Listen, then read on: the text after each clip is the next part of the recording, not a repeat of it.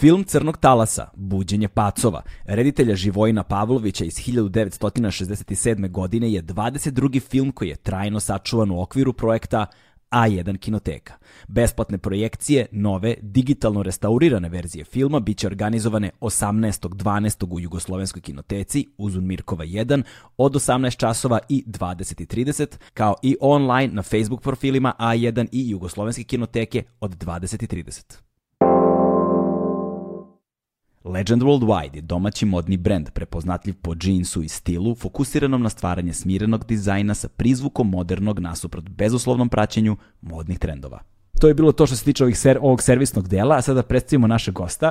Naš gost je, pa legenda, apsolutno živa legenda, pre svega uh, novin, novinarske fotografije, novinske fotografije, uh, novinarstva kao takvog. Uh, čovek je proveo više od 30 godina na ratištima, ali nije isključivo ratni fotograf. Uh, dobio je Pulitzerovu nagradu, dobio je World Press Photo Award više puta, dobio je SOPU, dobio je sve moguće nagrade koje mogu se dobiti, boravio je na ratištima od, rat, od ratova koji su bili na ovim prostorima, preko Iraka, Afganistana, Sirije, bio je u Jerusalimu, odnosno bio je u, u Izraelu, bio je u Keniji, bio je u Somaliji, bio je u Južnom Sudanu, bio je na toliko mesta da ne bi vredilo ni da ih nabrajam, trajalo bi jako dugo, E, ovo je redka i izuzetna prilika da sednemo sa njime i da porazgovaramo ovako dugo. Veliko mi je zadovoljstvo da vam predstavim svog sledećeg gosta, Gorana Tomaševića. Uživajte.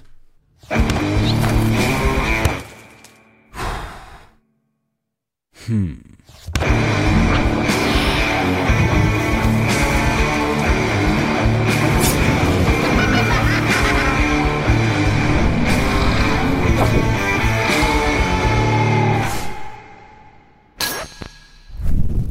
E, Goran Tomašević je u kući, ne mogu da verujem. Pazi, znaš šta, snimili smo više od, ne znam, stotinu epizoda do sada i bilo je stvarno razno raznih gostiju, ali ovaj, ovo je prvi put, znaš, da se ovako osjećam kada nam neko dolazi, zaista izuzetno količinu poštovanja ono gajimo, ja mislim svi ovde prema tebi. E, hvala, ovaj, poštovanje je obostrano. I u tvojoj karijeri i svemu što si do sada uradio i zaista je veliko zadovoljstvo i čast da se nalaziš baš u našem podcastu kod nas u kući i još si doneo rakiju. Može li bolje? Pa, to je, to je moja rakija.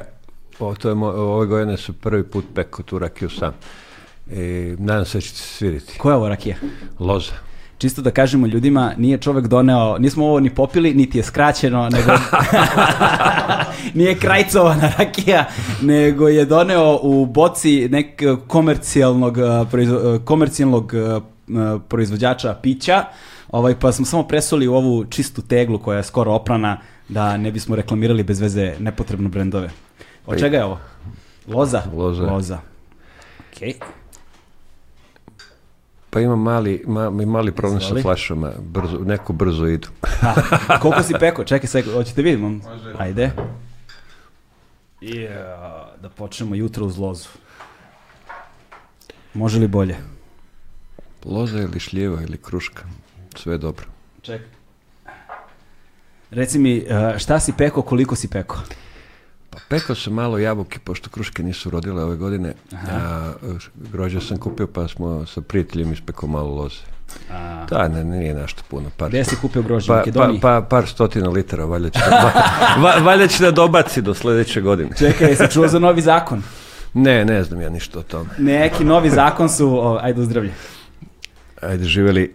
I dobro nam došao. Bolje vas našo, živeli. Pozdravlje. No, dobra je. Što bi ti rekao, muskatna. Malo, Da, odlična. miriše, da. Odlična je, odlična je. Drago mi da ti se sviđa. Baš je pitka. Ovo, je nekako meko deluje. Je li prepečena ili... Jeste, ima tu 17 gradi malo više, ali pravljeno je to za onako duže sedenje uz mezu i sa prijateljima. Da, pa da, Kad su malo jače, onda brzo udari, pa da. ja volim ovakve. Da. Je Jesi sa destilovan vodom posle Da. da. Da, dobro, standardica. Ovaj, um, Uh, uh, šta sam teo da kažem, da zakon su neki, razmatraju ga sada, ali su ga doneli ili nešto, je, ili prije, da li je prije stupanju Europskoj, ne znam tačno koje su okolnosti oko zakona, ali već se danima priča o tome da će moći godišnje po domaćinstvu nešto 20 litara rakije da se proizvede. Pa dobro, onda ćemo da smanjimo na 500. Znaš, I onda je bila kao rasprava kao da li je 20 litara rakije po, po, po domaćinstvu dovoljno, ja bih rekao da nije, godišnje. Mislim, pa po članu domaćinstva je, je, me, je veliku cel, porodicu. Da, da, po celom domaćinstvu, po celom domaćinstvu čini mi se da je oko 20 litara.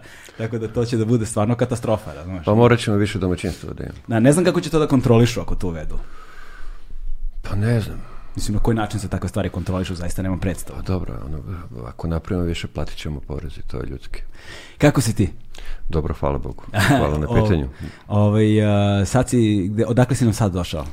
Došao sam e, iz Pariza pre, pre par dana, imao sam malo problema sa, oko, oko vakcina, pa sam putovao kolima. Kakvi problema? Pa to je sada to je opšta ludnica, svaka država ima neka pravila oko covid mm. to, pa može avion, ne može avion, ova pravila, ona pravila, pa sve u auto odvezo se završio, šta sam imao i vratio se.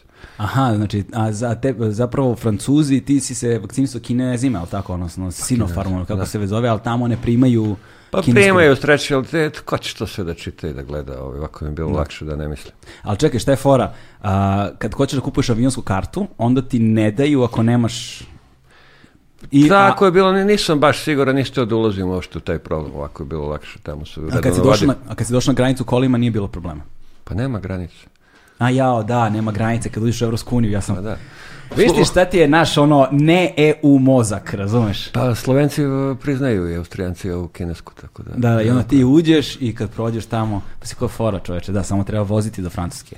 Pa jeste, 19 sati sam čepa. Da, a si se smorio ili si bio u društvu nekom si sam? Pa sam sam vozio, ali bilo dosta pumpi, pa sam stajao, kupim kafu i nastavim. A, dobro, dobro. E sada, ono između ostalog zbog čega si ovde, a i zbog čega si bio u Parizu, ovaj, jeste što ti najzad nakon koliko godina karijere?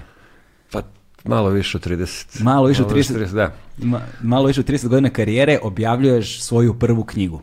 Pa da, objavljujem ja, to je, to je projekat moj i Rojterov, to, to neko smo zajedno ušli, sad tražimo izdavača i tako sve ide kako treba. Ja sam otišao u Pariz da se vidim sa dva editora za fotografiju, mm, Jean-François Leroy, Leroy, kako da kažu, na francuskom i Alanom Mignomom, koji imaju veliko iskustvo u tome i dosta su poznati. Jean-François je čovek koji je stvorio foto festival novinske fotografije u Perpinjonu koji se održava već mnogo godina svakog septembra. Ja sam tamo dosta puta izlagao i on, već smo se dogovorili za izložbu i promociju knjige i potpisivanje knjige, ceremoniju i tako. A, drugi editor, isto, isto tako isto bitan, iste važnosti je Alan Mignam koji je kolega, e, veoma poznat, ima poznate fotografije, slika Šabru i i razne stvari. Inače je pomagao Salgado oko knjiga i Jimu Načveju i mnogim. Aha, sjajno. I voli slike, jako je zadovoljan i tu smo u kontaktu svakog dana i pravimo sad layout i onda ćemo da startujemo izdavače par njih, pa ćemo da vidimo. Mislim da neće biti problem sa izdavačima kada si ti u pitanju.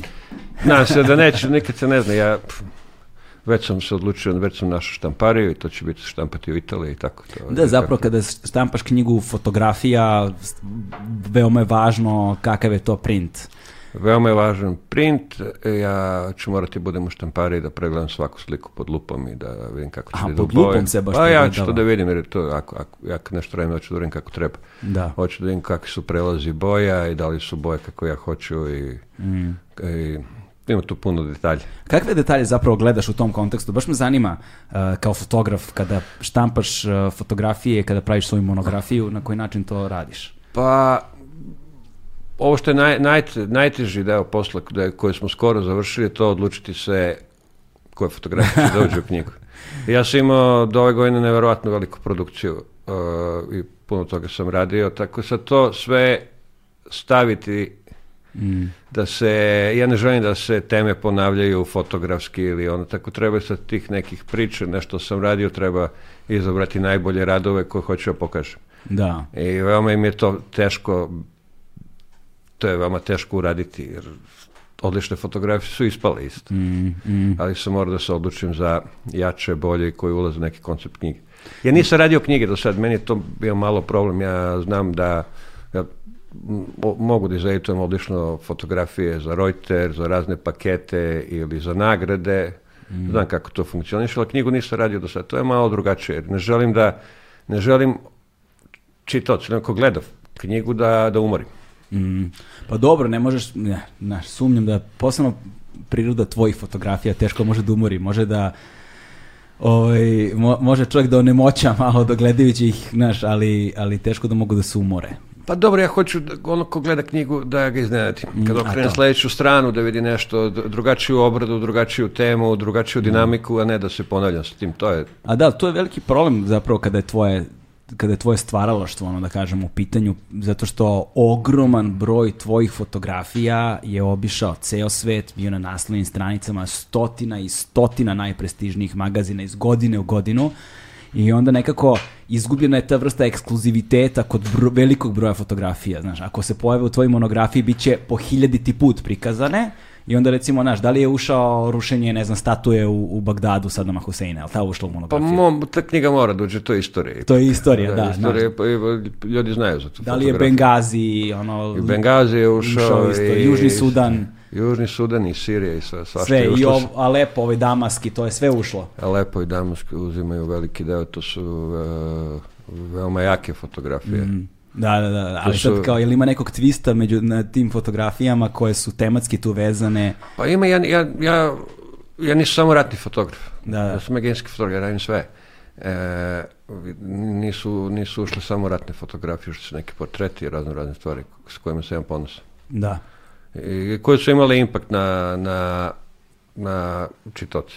Da, a ne, možda neke intimne, lične fotografije tipa iz ranih radova, ono, od početka rada, ne znam, u politici, pa, prema vamo. To, to, je, to je malo problematično zato što mi je teško da nađem e, te neke 90 te negative. A. Nisu bile elektronski zabeležene, sve one koje su bile u Reuteru, tako da to nešto, ima nešto protesta i nešto počinje od Kosova nadalje. Kad, kad, 99. 99. Da to mi je jako bitno da... Mm. Ima čak i fotografija Miloševića u diskoteci. Tako da Čovječe, dakle, to će zaista da bude knjiga vredna, ono, vredna pazarenja. A reci mi, kada treba da izađe do knjiga i kako će se zvati? E, zvači se Vajar, mm -hmm. e, fotograf, Vajar fotograf, kako freelanceri nas nekad zovu. I ja sam ponosan sa tim. E, pojavit će se, plan je da knjige izađe u septembru sledeće godine, i e, bit će promocija knjige, prva promocija knjige, prva izložba u Perpinjonu i onda će to da da ide da na nekim drugim mjestima. Tamo je zapravo ono foto, meka novinarske fotografije. Jest, jest. Tu, izlagao sam puno, često su me zvali i to je pravo mesto da, da, da, da se knjiga pokaže. Ne, da, neko tvog kalibra svakako. Biće zanimljivo zaista videti koliko fotografija na kraju će ući u knjigu. Pa nisam tačno, ja sam sad radio, pa nisam ih prebrojao, tu oko 300. Oko 300, koji će format da bude? Pa bit će, uh, bit će uspravna knjiga, mm -hmm. uspravnog formata, već od A4 dosta. Sad dosta, da to... B? Pa ne znam, ne mm. znam, bit će nešto između Salgadove knjige i Načove knjige. Aha. Nešto znači, tu između Inferna i ovog, ovog što je Salgado radio, kako se zove, zaboravio, sad ne mogu se setiti. Da, da, da. Ove poznate koje da. da. svi da. volimo. Ovaj, e, e sada, pošto će ta knjiga biti, vidiš, ja sam mislio da si ti zapravo imao jako veliki broj knjiga i te kad smo seli razgovarali, shvatio sam da je ovo tvoja prva knjiga, jer sam toliko tvojih fotografija video ne samo u brojnim printanim izdanjima svih najprestižnijih magazina i novina i tako dalje, nego sam video tvoje fotografije po gomili knjiga. I zapravo sam mislio da si ti već imao objavljivane knjige, ali u stvari... Imam, do, imam dosta objavljivanih knjiga, ali ne knjigu fotografiju, imam, imam fotografiju u razno raznim knjigama gde su selekcije iz Iraka, iz ovog ili onog, u, u, u ja i ne znam gde su me objavljivali. Imamo mnogo fotografija u Reuterovim knjigama, ali sam nalazio kad od, odem u velike knjižare na, na zapad ili London, ja tamo odem i gledam fotografski i nađem gomilu tu mojih nekih fotografija u razno raznim, mm. ali ja i ne znam za to. Da, i sad ono, ljudi koji uh, možda nisu upoznati sa tvojim likom i delom, a, recimo da pomenemo da ti držiš i svojevrsne rekorde u broju objavljivanih ono fotografija na, na naslovnim stranama. Prosto, ukoliko naslovnica je izašao, ne znam, rušenje Sadamove statue, preko 160. Pa, da, to je bilo nešto puno, ali tad, što, tad nisu ni sistemi za brojanje bili takvi. Onda su to nezvanično rekli da je E, napad e, Francuze, ja mislim, na Gaddafinu kolonu vozila, neka eksplozija da je bilo preko 160-70 naslovnih strana. Da, I to je neki nezvanični rekord, ali ko, ko je to pre mogao da izbroji? Pa da, a pritom je to bilo, moramo da naglasimo i nekako pre nego što je web novinarstvo preuzelo dominantu, Jeste. Je, znaš, jer sada na webu je to druga priča, sada šta je sve portal, na koji način... Pa da, teško će neko to da, da, da, da, da jer nema novina više. nema printa, da. Da, ali najviše, naj, meni najveća nagrada print. Objavljena fotografija u novinama ili, ili magazinu da. ili to, to je kad osjetim papir i to. Jeste. To je vreme, to je moje vreme koje se, ovo je pa sad da. nešto drugo. Ja tako isto posmatram i knjige, znaš, nekako nisam se naučio da čitam na ekranu. Ne, jednostavno pa nisam. Da. Jednostavno nisam. Kažu mi Kindle je baš kao knjiga jeste, stvarno sam uzeo i video sam ga i ima ja, drugačije od ekrana drugačija vrsta ekrana, ali dalje mi nije to to. Ne mogu, jednostavno ne mogu da se nateram. Posebno mi je katastrofalno kad vidim ekipu koja čita stripove na ekranu. To mi je, to je zaista bogohuljenje, razumeš? Tako da razumem u potpunosti. Ima nečega kada ti izađe fotografija ili intervju u printu. To je pa ipak, na, da, to je ipak druga dimenzija. Pa ja uvijek govorim da to me i najveća nagrada još uvijek kad vidim da je neko štampa dobro neku fotografiju, da sam objavio, to sam najsretniji. I mm. to je to, sa ovom masovnom upotrebom fotografije u ovim, nekad su se fotografije, slali smo par slika je trebalo jedna uspravna za naslovnu stranu, jedna položena za unutra. A sad je to ima po 30-50 slika. Da. I znate, kad strpaju tako slike, onda je kvalitet pada. Nekad su fotografije fotografski bili obrazovani i znali. To sam ja imao čast da učim od najvećih majstora, od Petra Kujundžića i Dušana Vranića i pokojnog Sulje Sulimanovića. Mm. Petar je bio u Reutersu, tako Reuters. Petar mi je šef bio, on da. je doveo Reuters. Da, da, da. E, kaže Reuters ili Reuters? Reuters je, pa može ovako i onako, neko da. piše ovako, neko onako. Jer ja sam navikao... Reuters je SAES zvanično. Da, da, da, sad je da. Thompson Reuters. Ove, ovaj, e, sad kad već govorimo o tome, ja bih voleo zapravo i kad govorimo o tvojoj knjizi, dakle prva tvoja knjiga koja izlazi, fotografija koja će biti objavljena, koja obuhvata negde celokupnu tvoju karijeru. Ove, ovaj, I voleo bih zaista, prateći sada, dok, pripremajući se i za ovaj intervju, vidio sam da ti zapravo nisi dao puno intervjua ovaj, ne, posebno ne u lokalnim medijima, ovaj, i, obično to, i obično se svi svode na ono, ne, nekoliko istih priča, istih fotografija koje se recikliraju u krug. Znaš, ja bih volao nekako da iskoristim ovu priliku, posebno što nam je ovako otvoren format, mm -hmm. i da pričamo bre o tebi, znaš, i celokupnoj tvojoj karijeri, baš kao što je knjiga, i da od samih negde početaka, zato što imaš ogromnu karijeru zaista. I sad kao, znaš, kako početi ono što bi Horacius rekao, abovo, znaš, od, ja, od, od jajeta, jel te? Da, da. od, od, gde, gde si rođen zapravo ti ono, i, i, i odakle si? Pa, Bežanije, znam. Bežanije, da, da, da, da, da bežanije. Da, da, I ovaj, kako izgleda... Pre, pre blokova. Da, pre blokova. da, to su kraj 60-ih, jel tako nešto? Da, tako je. Da. SR 69. je ulici Prvomajskoj 30. To je ulica tada pripadala Bežaniji, ona je paralelna sa blokom 70, gde su ovi kinezi, tu sam rođen. Da, i ovaj, blokovi su tada izgledali drugačije praktično, nije bilo u pa velikoj meri. Pa nije bilo, ja sećam bloka 45, u mom sećanju uvek bio. Da, A, da. Pamtim kad se blok 70, kad su se doseljavali tamo. Da. A Ovi gore blokovi 64. treći, to je bila Perina bara, to me tata vodio na pecanje. jo, jeste, da. čoče, ti bara je, je bilo svuda po gradu. Da, da. pa išli smo sve do Galovice, gore na babušku da pecamo. Da, mi smo imali, mi smo imali ovaj, te močvare i bare i za gomilu smo verovali da su lekovite. da, da, nisam da to znao. da, da, jeste, mi imali smo dole, mi smo, mi smo na početku braći Jerković su bile dve, taj, taj gornji park gde smo bili na Voždovcu iza, iza Darvinove pošte, tu je bila baš močvara i tu smo išli da hvatamo ono drždevnjake, ono, da. žabe, pijavica je tamo bilo koliko hoćeš, pa smo punili tegle pijavicama i slopićima. Tak, tak ovaj, toga je bilo, a preko puta ulice, ka Soko Štarko kad se ide, tu je bila kao neka lekovita voda, je bio, neki izvor je bio i tomu znam da su išli ljudi i da su donosili bre flaše i kofe vode, ono, i to je sve na sumpor neki smrdelo, onako, tako nešto bilo. Sigurno što je bilo lekovito. Ne, da. Sada je tamo SBB, znaš. tako da, to je, to je toliko to istorije, znaš, a ja sam još i mlađi od tebe dosta. A1 je prvi prijatelj audio izdanja Agelast podcasta. Ove, ovaj, kako izgledao taj duh vremena kada si ti odrastao, kada si se zapravo ti ono, prvi put negde upoznavao sa fotografijom, na koji način? Čime si se sve bavio pre nego što si otkrio fotografiju? Pa otkrio sam rano, da. zahvaljujući Mići Smiljaniću, mojoj sestri. Aha. Ja pretpostavljam da, da, da, da, da je moj tata i, i sve to bilo zbog nesretnog, motora kog se ja imao, pa me tata to naredio da prodam i kupim. A šta je bilo s motorom? Pa dobro, imam 13 godina, 14. šta I, I onda su mi sestra i tata kupili fotoaparat. Bili su ono, baš je bolje da. ovo. A šta si ti s fotoaparatom uradio, pogledaj danas. I, o, o, o, i, moj veliki prijatelj veliki drugar i prijatelj moje sestre Mić Smiljanić me onda upoznao sa, sa tu nekim tajnom e, fotografije i šta je film i kako to prolazi kroz objektiv i kako se reflektuje i onda me učio sivoj skali, kako se eksponira na crnom, na belom, šta je sivo i tako dalje i tako dalje. Onda me naučio da, da, kako da eksponiram. I sve što me on tada naučio tih 83.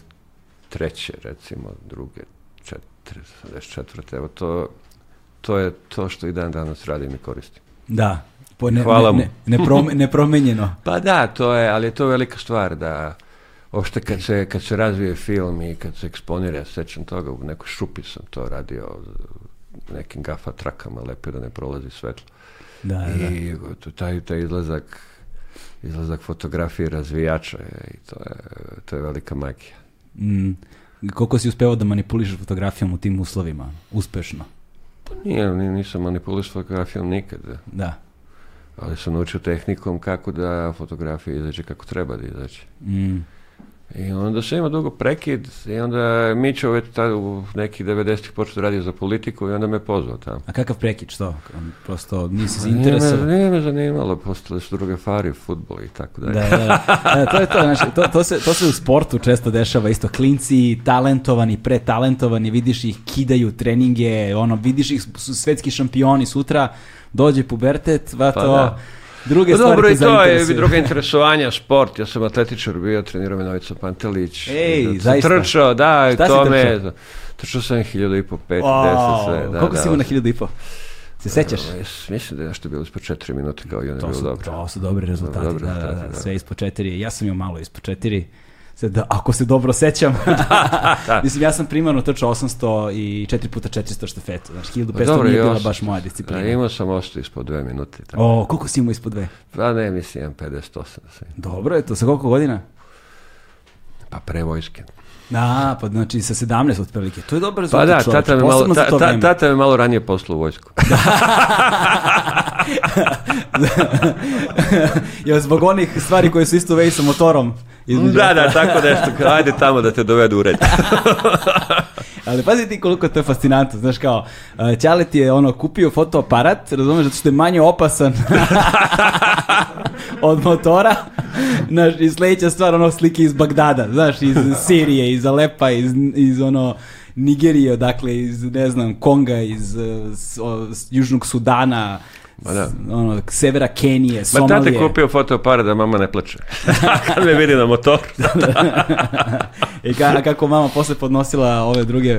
Pa to je malo problematično s mamom uvek. Da, naravno, naravno, naravno. Ove, ovaj, e sada, um, kada si... Mislim problematično to što mama uvek brine. Pa jeste, naravno, to, to, je, to, je, to ne, ne, mama ne bi bila mama kada, ne bi, da. kad ne bi bilo tako, a i kada ne bi brinule, ko zna gde bismo bili zakra, da. na, zapravo, znaš. Bez tog kormila teško bi smo bilo šta u životu. Znaš. Ovo... Pa jeste, ali samo da imam jednu priču o mami pre par meseci. Aha. I sad uh, sam, mama je na selu tu blizu Brancu, ja tu imam kući, tamo više volim da budem nego u Beogradu. Mm. Sad jutro ja trčim i jurim nešto da žurim i mama ide sa štapom i nosi činiju. I onda kaže, gdje ćeš? Ja kažem, pa nešto, pa gdje si zapeo čovječ? Nisi pojao maline. I ja sad gledam, imam 52 godine i mama ide sa štapom i priča mi, kažem, pa, pa najzdravije voće ujutro. I onda sam pogledao, pa da, mama je upravo. Ja sam sedao i pojao maline s mamom i popio još jednu kafu i eto, kaže, viš da možeš, tećeš.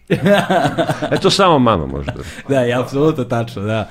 Ovo je posebno, pošto će nam to biti negde između ostalog i tema ovaj, to, to vreme, taj timing, znaš, biti u trenutku i iskoristiti taj trenutak posebno u, u pozivima, znači prvenstveno govorimo o ratnoj fotografiji, ne govorimo o sportskoj fotografiji, mm. o drugim agencijskim stvarima koje si radio kao kao čovjek iz Reutera, ali evo da nabrojim, ja sam prosto morao da zapišem, čisto mm -hmm. da ne bude kao, znaš, da, da nisam, ali to je iskreno jedina stvar koju sam zapisao, jer sam želeo da razgovaramo što prirodnije moguće, pa, znaš, dokle stignemo.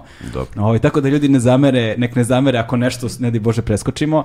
Dakle, ovaj, ti si počeo u politici, ali ovo, to je ok, za Reuters si počeo da radiš zapravo 96. godine i to ćemo da pričamo, a ti si fotografisao, pa je sad ovo, BiH, Hrvatska, Kosovo, Libija, Sirija, Egipat, Južni Sudan, Kongo, Mozambik, Burundi, Nigerija i tako dalje. Tu je sad Irak i, mm. to, da, i tako dalje, i tako dalje.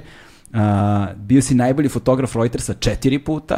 List Guardian te proglasio najboljim novinskim fotografom na svetu 2012. godine.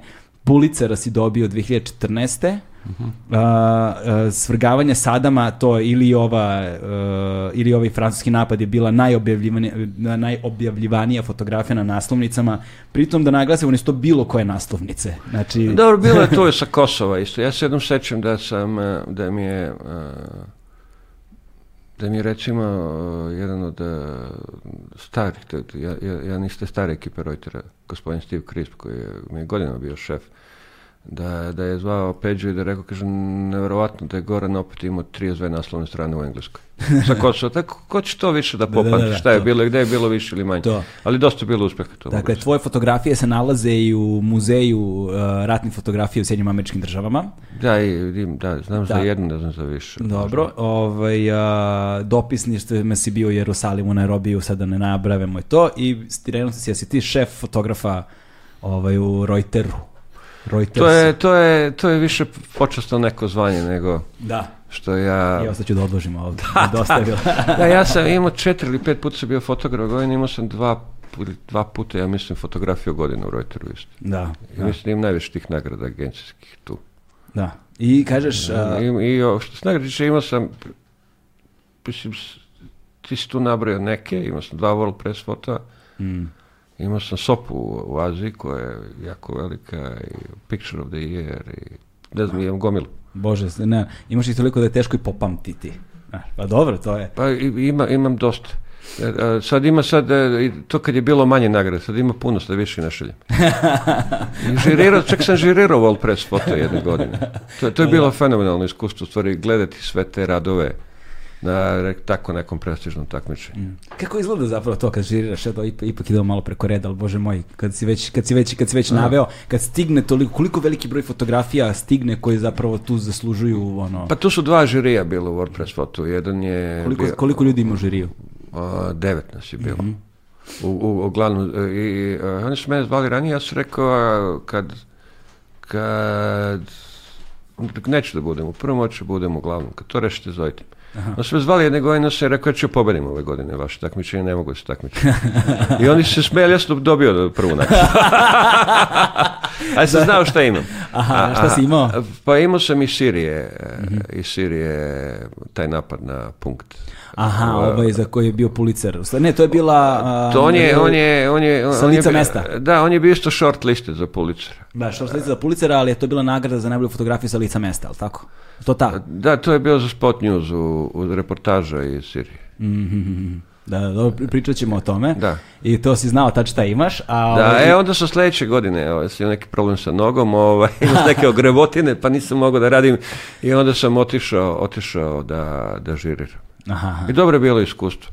I to su bile neke drage kolege koje sam ja poznao i ovaj, bilo je uzbudljivo, onako ja se izborio za da turski fotograf koji je slikao ubistvo ambasadora na preskonferenciji ruskog ambasadora mm -hmm. dobije dobije prvu nagradu. U, da, sećam se toga, da. sećam se toga kad je bilo. Da, da, da to da, je fotograf AP-a. to je nekad 2015. ne? Tako nešto. Jeste, tako nešto. Ja bih rekao da je to Uh, Možda i kasnije. 2016 ili 17. Tako, da, da, da, da, sećam se toga. To je bilo ima gomila snimaka uživo, zapravo to je bila preskonferencija na kojoj je bilo Da, da da, da, da, da, ima da. ubistvo uživo. Mm, da, strašno. Čoveče, ovaj i sada se vratimo mi u tu dalo, da, daleku, daleku prošlost, jel te? Dakle tamo, šta si rekao to? Kad si počeo? Pa, 91. sam počeo. 91. A, koliko si godina tad imao? 21, 22 skoro i kako je izgledalo? Ko, ko te zapravo doveo u politiku? Mić Smiljani, čovjek, ko, ko čovjek koji me naučio, radio sam na Beogradskoj hronici politike, urednica je bila Slavica Čedić. To je, to je bilo super iskustvo. Kako je to iskustvo bilo? Kako je izgledalo raditi u Beogradskoj u, u hronici? Dobro, fotografski to za nekog početnika bilo ok, ja stučkivam malo više, ali... Šta si fotografisao uglavnom? To po gradu. Ovaj. Onda je po sledeće došao Milorad Ćirilović, pokojnik, koji je više posvećivo pažnje fotografiji u to vreme. Mm -hmm. I mhm. onda je pustio veće fotografije, imao drugačije zahteve.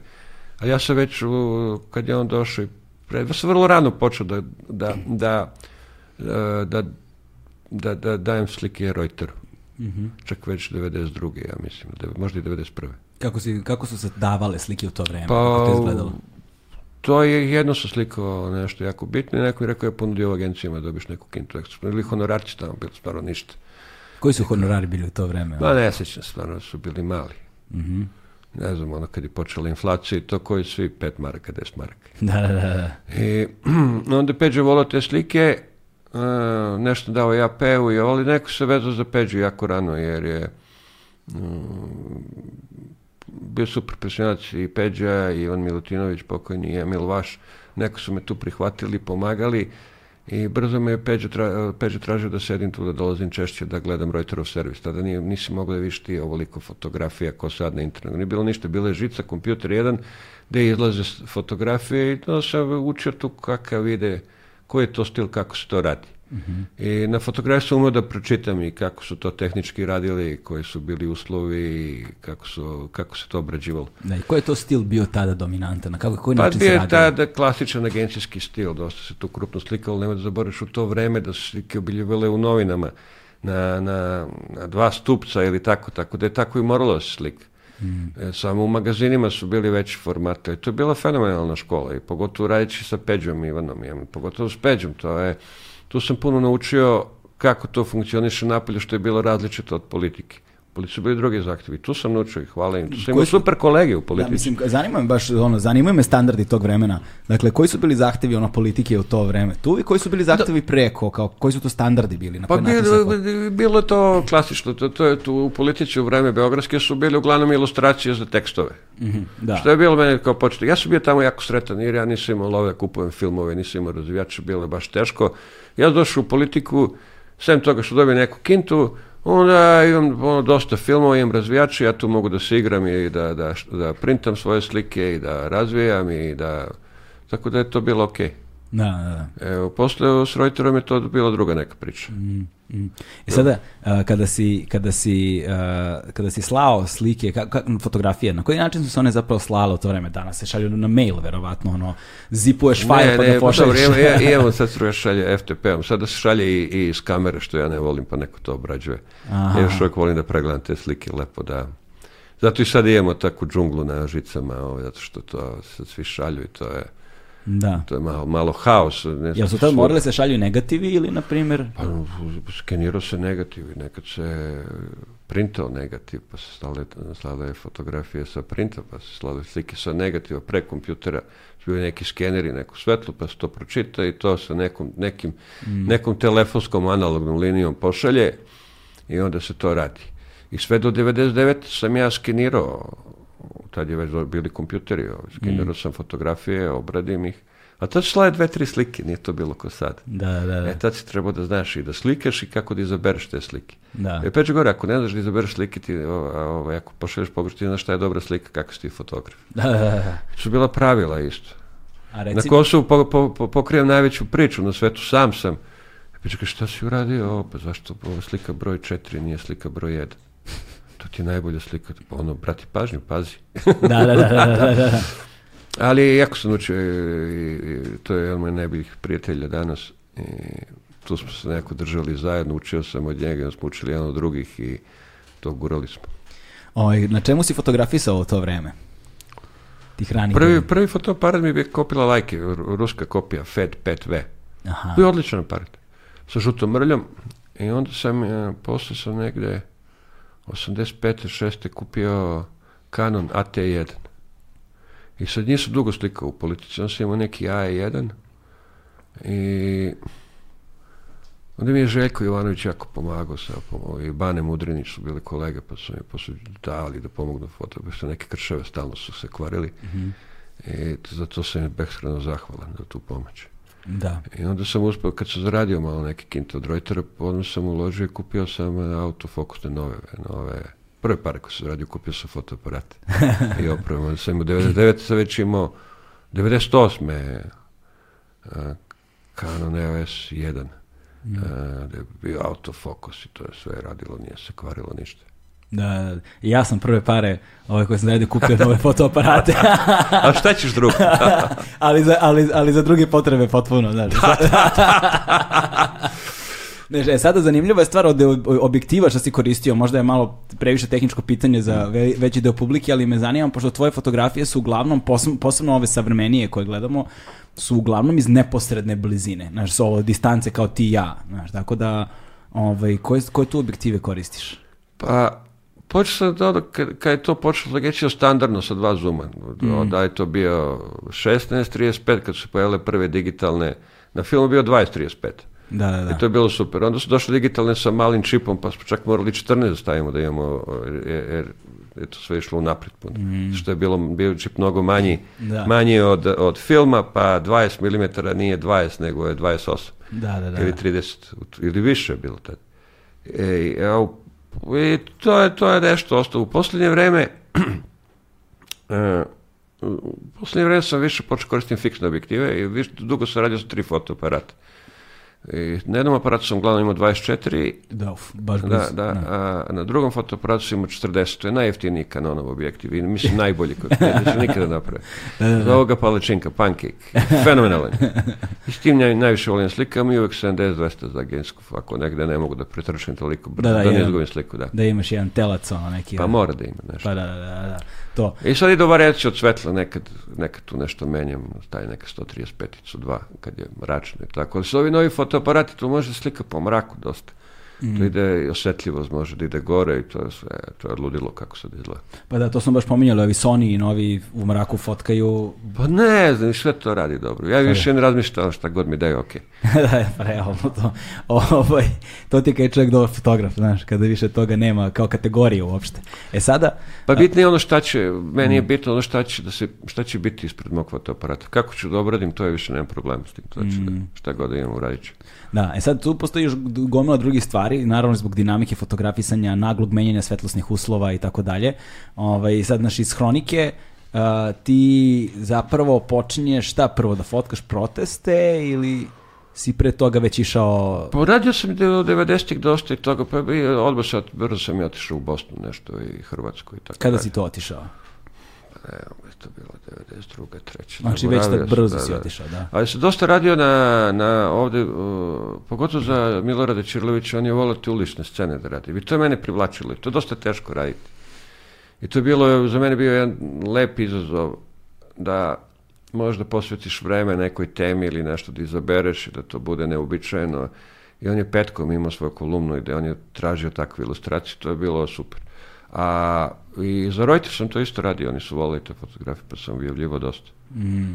Pa je došla je onda ekonomska kriza, sankcije, benzini, ne znam nija šta, mi je sve, šta je sve tu dolazilo. I onda su došli protesti, 96. i 7. to da. trajalo mjesecima, tad sam već bio ja u Reuteru, imao sam, Peđo me zvao i dao mi obavez da svakog dana u kancelariju da dobijem zaduženje, onda 97. 8. počelo je Kosovo i to tako krenulo. Da, I da. onda sam presto, ja sve radio duplo to do 99. i politiku i... Ja to nisam nikad krio u politici, da radim za Reuters. Sam bio honorarac tamo do... Nikad nisam dobio stalan posao. A, a, a i tada turkovost politike imalo razumevanja. Hadže, Hadže Draganić mi jako puno pomogao. Mm, mm. I sve vreme na Kosovu ja sam slao slike za politiku ekskluzivno i Reuter je morao da objavljuje slike e, van Jugos, prostora bivše Jugoslavije da bi politika mm. imala i to je bila moja zahvalnost da. matičnom da. listu. Ove, ovaj, volio bih da se vratimo još malo unazad i da pročačkamo malo e, te, te prve velike promene, zapravo raditi za hroniku i kao fotografisati ono ilustrovanje tekstova u politici i odlazak odatle naš, na ratište je jedna sada jedan veliki skok, ne samo profesionalni nego ja mislim i ono emotivni, životni na svaki drugi mogući način. Uh, Pa nisam, nisam To je meni bio samo drugi zadatak. A znaš, to je... To ali, ali, ali ne, stvarno, ja, ja sad to...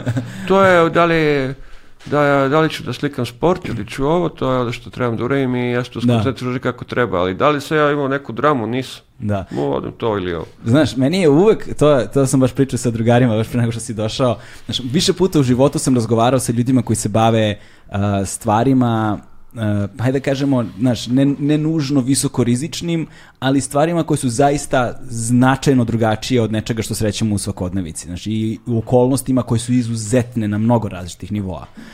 I ljudi koji provedu mnogo godina u tim karijerama, bez obzira šta je, uh, ovaj, nekako, nekako postoji jedna zajednička crta kod, kod, kod vas. Postoji zajednička crta kod vas. A to je da je ceo taj jedan emocionalni, ne znam, ceo segment kao da je nožem ovako presečeno i ono radikalnom hiruškom intervencijom sklonjeno. I, onda, I onda kada prepriča, kada, znaš, s jedne strane, i to i razgovor sa vama bude mač za dve oštrice, znaš. s jedne da. strane, kao, znaš, imaš neku neverovatno životno iskustvo, s druge strane, jako je teško dobiti taj ljudski element ovaj, eh, koji, koji koji, s, koji, s kojim svako, prosječan slušalac ili gledalac možda se identifikuje. Hmm, ljudski element, zanimljivo. da. u kom ste filmu rekli? Da, u kom Takav to? je poslan, ja ga ne volim. Znaš, a, a, a zaista me zanima. Ajde se, ajde probamo nekako, znaš, kao sad, s, s druge strane... Pa nije to bilo tako, to je, mi to je bilo, čekaj, prvo krene protest ovde. Da. I to je bilo nešto što se dešava oko mene i bilo je sasvim logično da ti odeš tamo, nema tu puno razmišljenja. Da. I onda se to završilo, to je krenulo Kosovo, malo, to je bilo teže, ali i tamo se je počelo sa protestom, sa ovim, sa onim, pa dok je došlo do rata, ti, si, ti psihološki si već tu. Da. I ti onda to je to ono što očekuješ da će da se desi. Mm.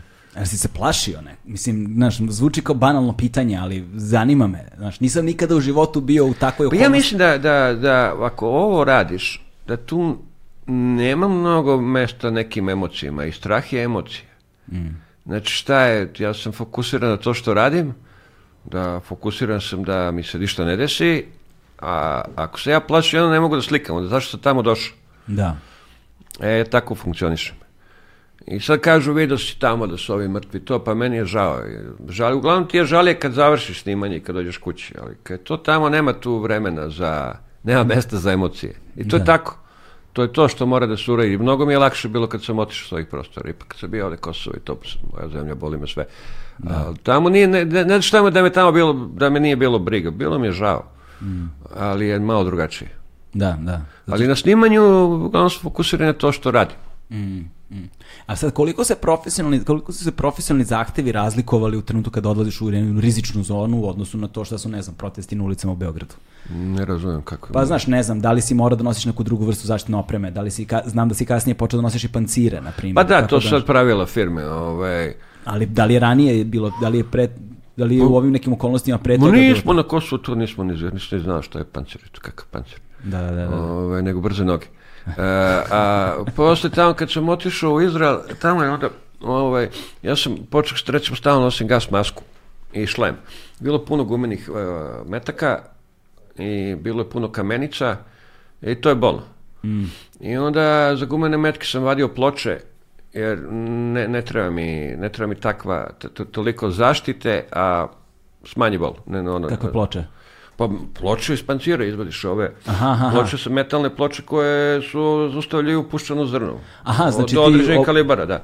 Onda je hiljada bilo mnogo lakše. To su, to, to, to protesti traju ceo dan, pa ti ne, ne možeš da hodaš od umora više. Da, da, da, da. I onda sam skapirao da je tamo ovaj, a, e, a, e, mnogo suzavca i onda sam počeo nosim gas masku jer mi je lakše slikati s gas maskom.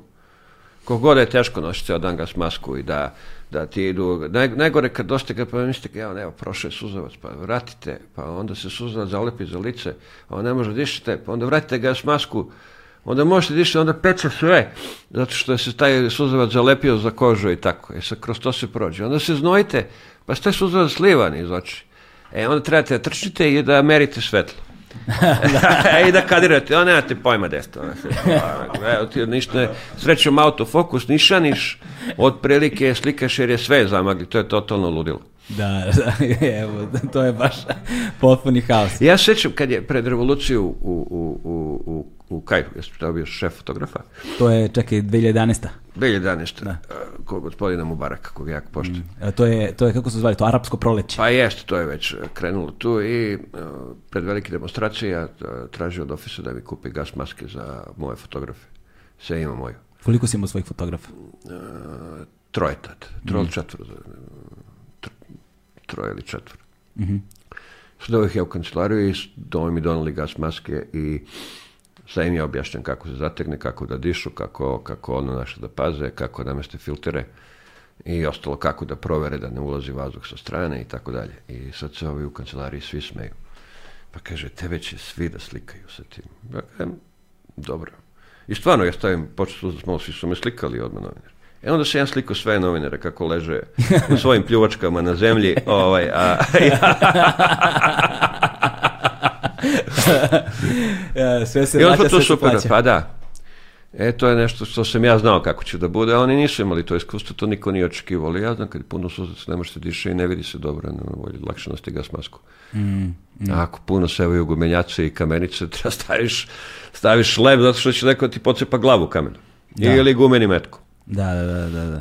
Ovo, e sada, eh, ka, kada, kako si se, eh, kada si zvanično, ti si zvanično počeo raditi za Reuters 96. godine, ali tako?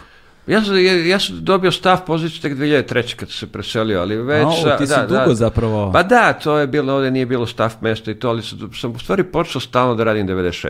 Mm. I mnogo, pa evo sad mislim, Mark, 20 godina nema stav poziciju.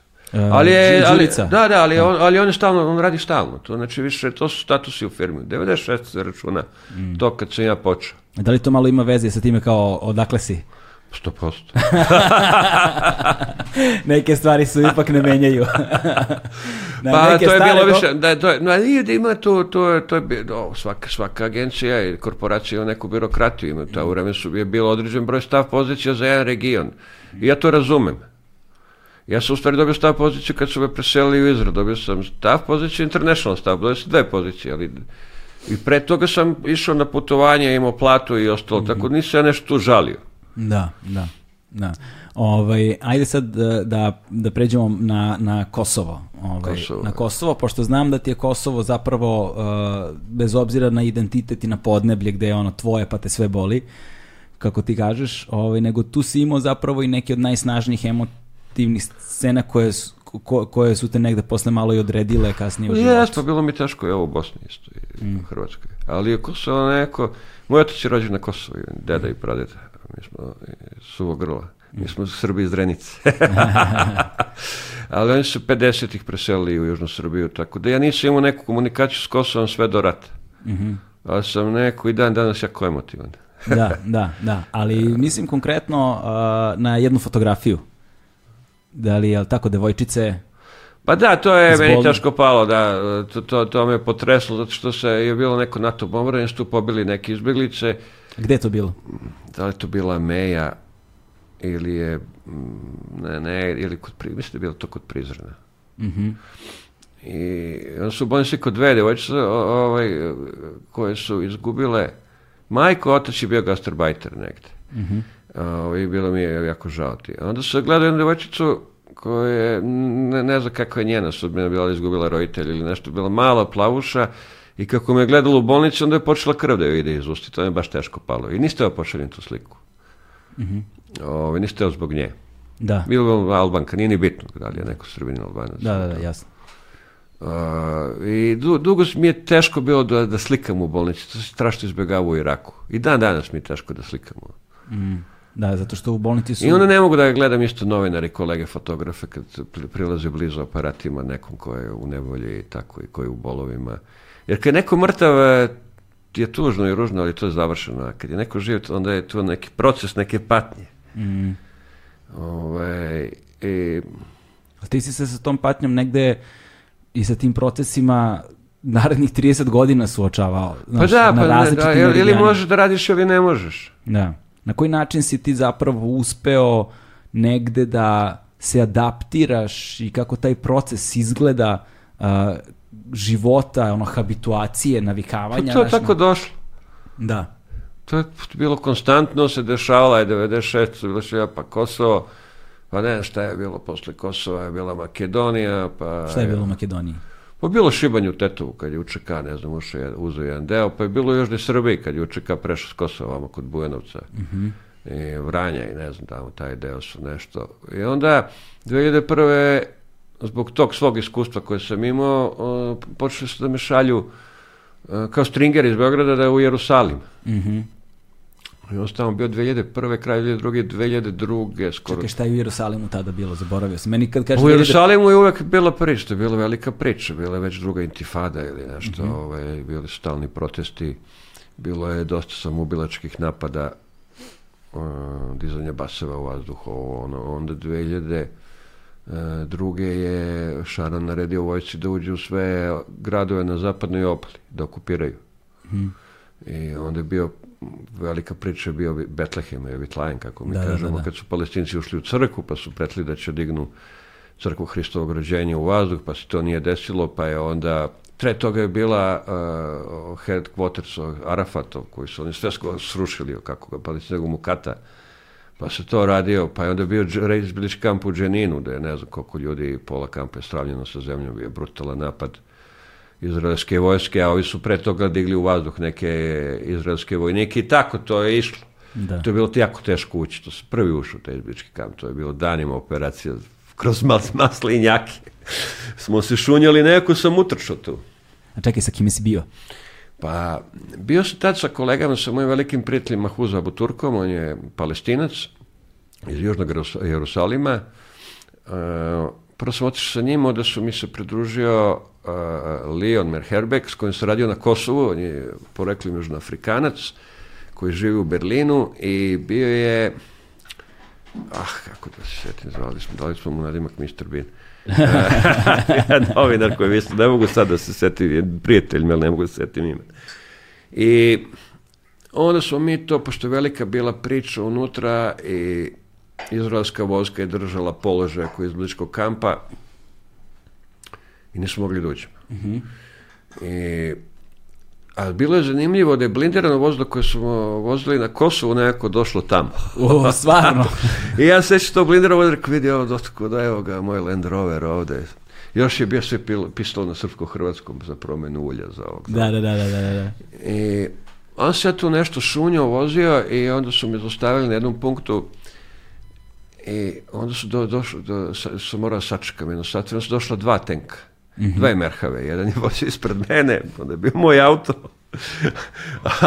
i on je bio iza. I onda sam došao na punkt izraelske vojske i onda mi je jedan oficir rekao, kaže, već danima gledam ovo žuto vozilo. kako mi prolazi kroz, kroz, kroz linije. Stvarno? Da, da. A kao, da. kao gledam, gledam ga kroz nišan, ono. Da, i onda je rekao, ako te još jedno vidim, putit ću na tvoje vozilo. Uje. Da, da, da. E, ja kažem, dobro. šta da mu kažem?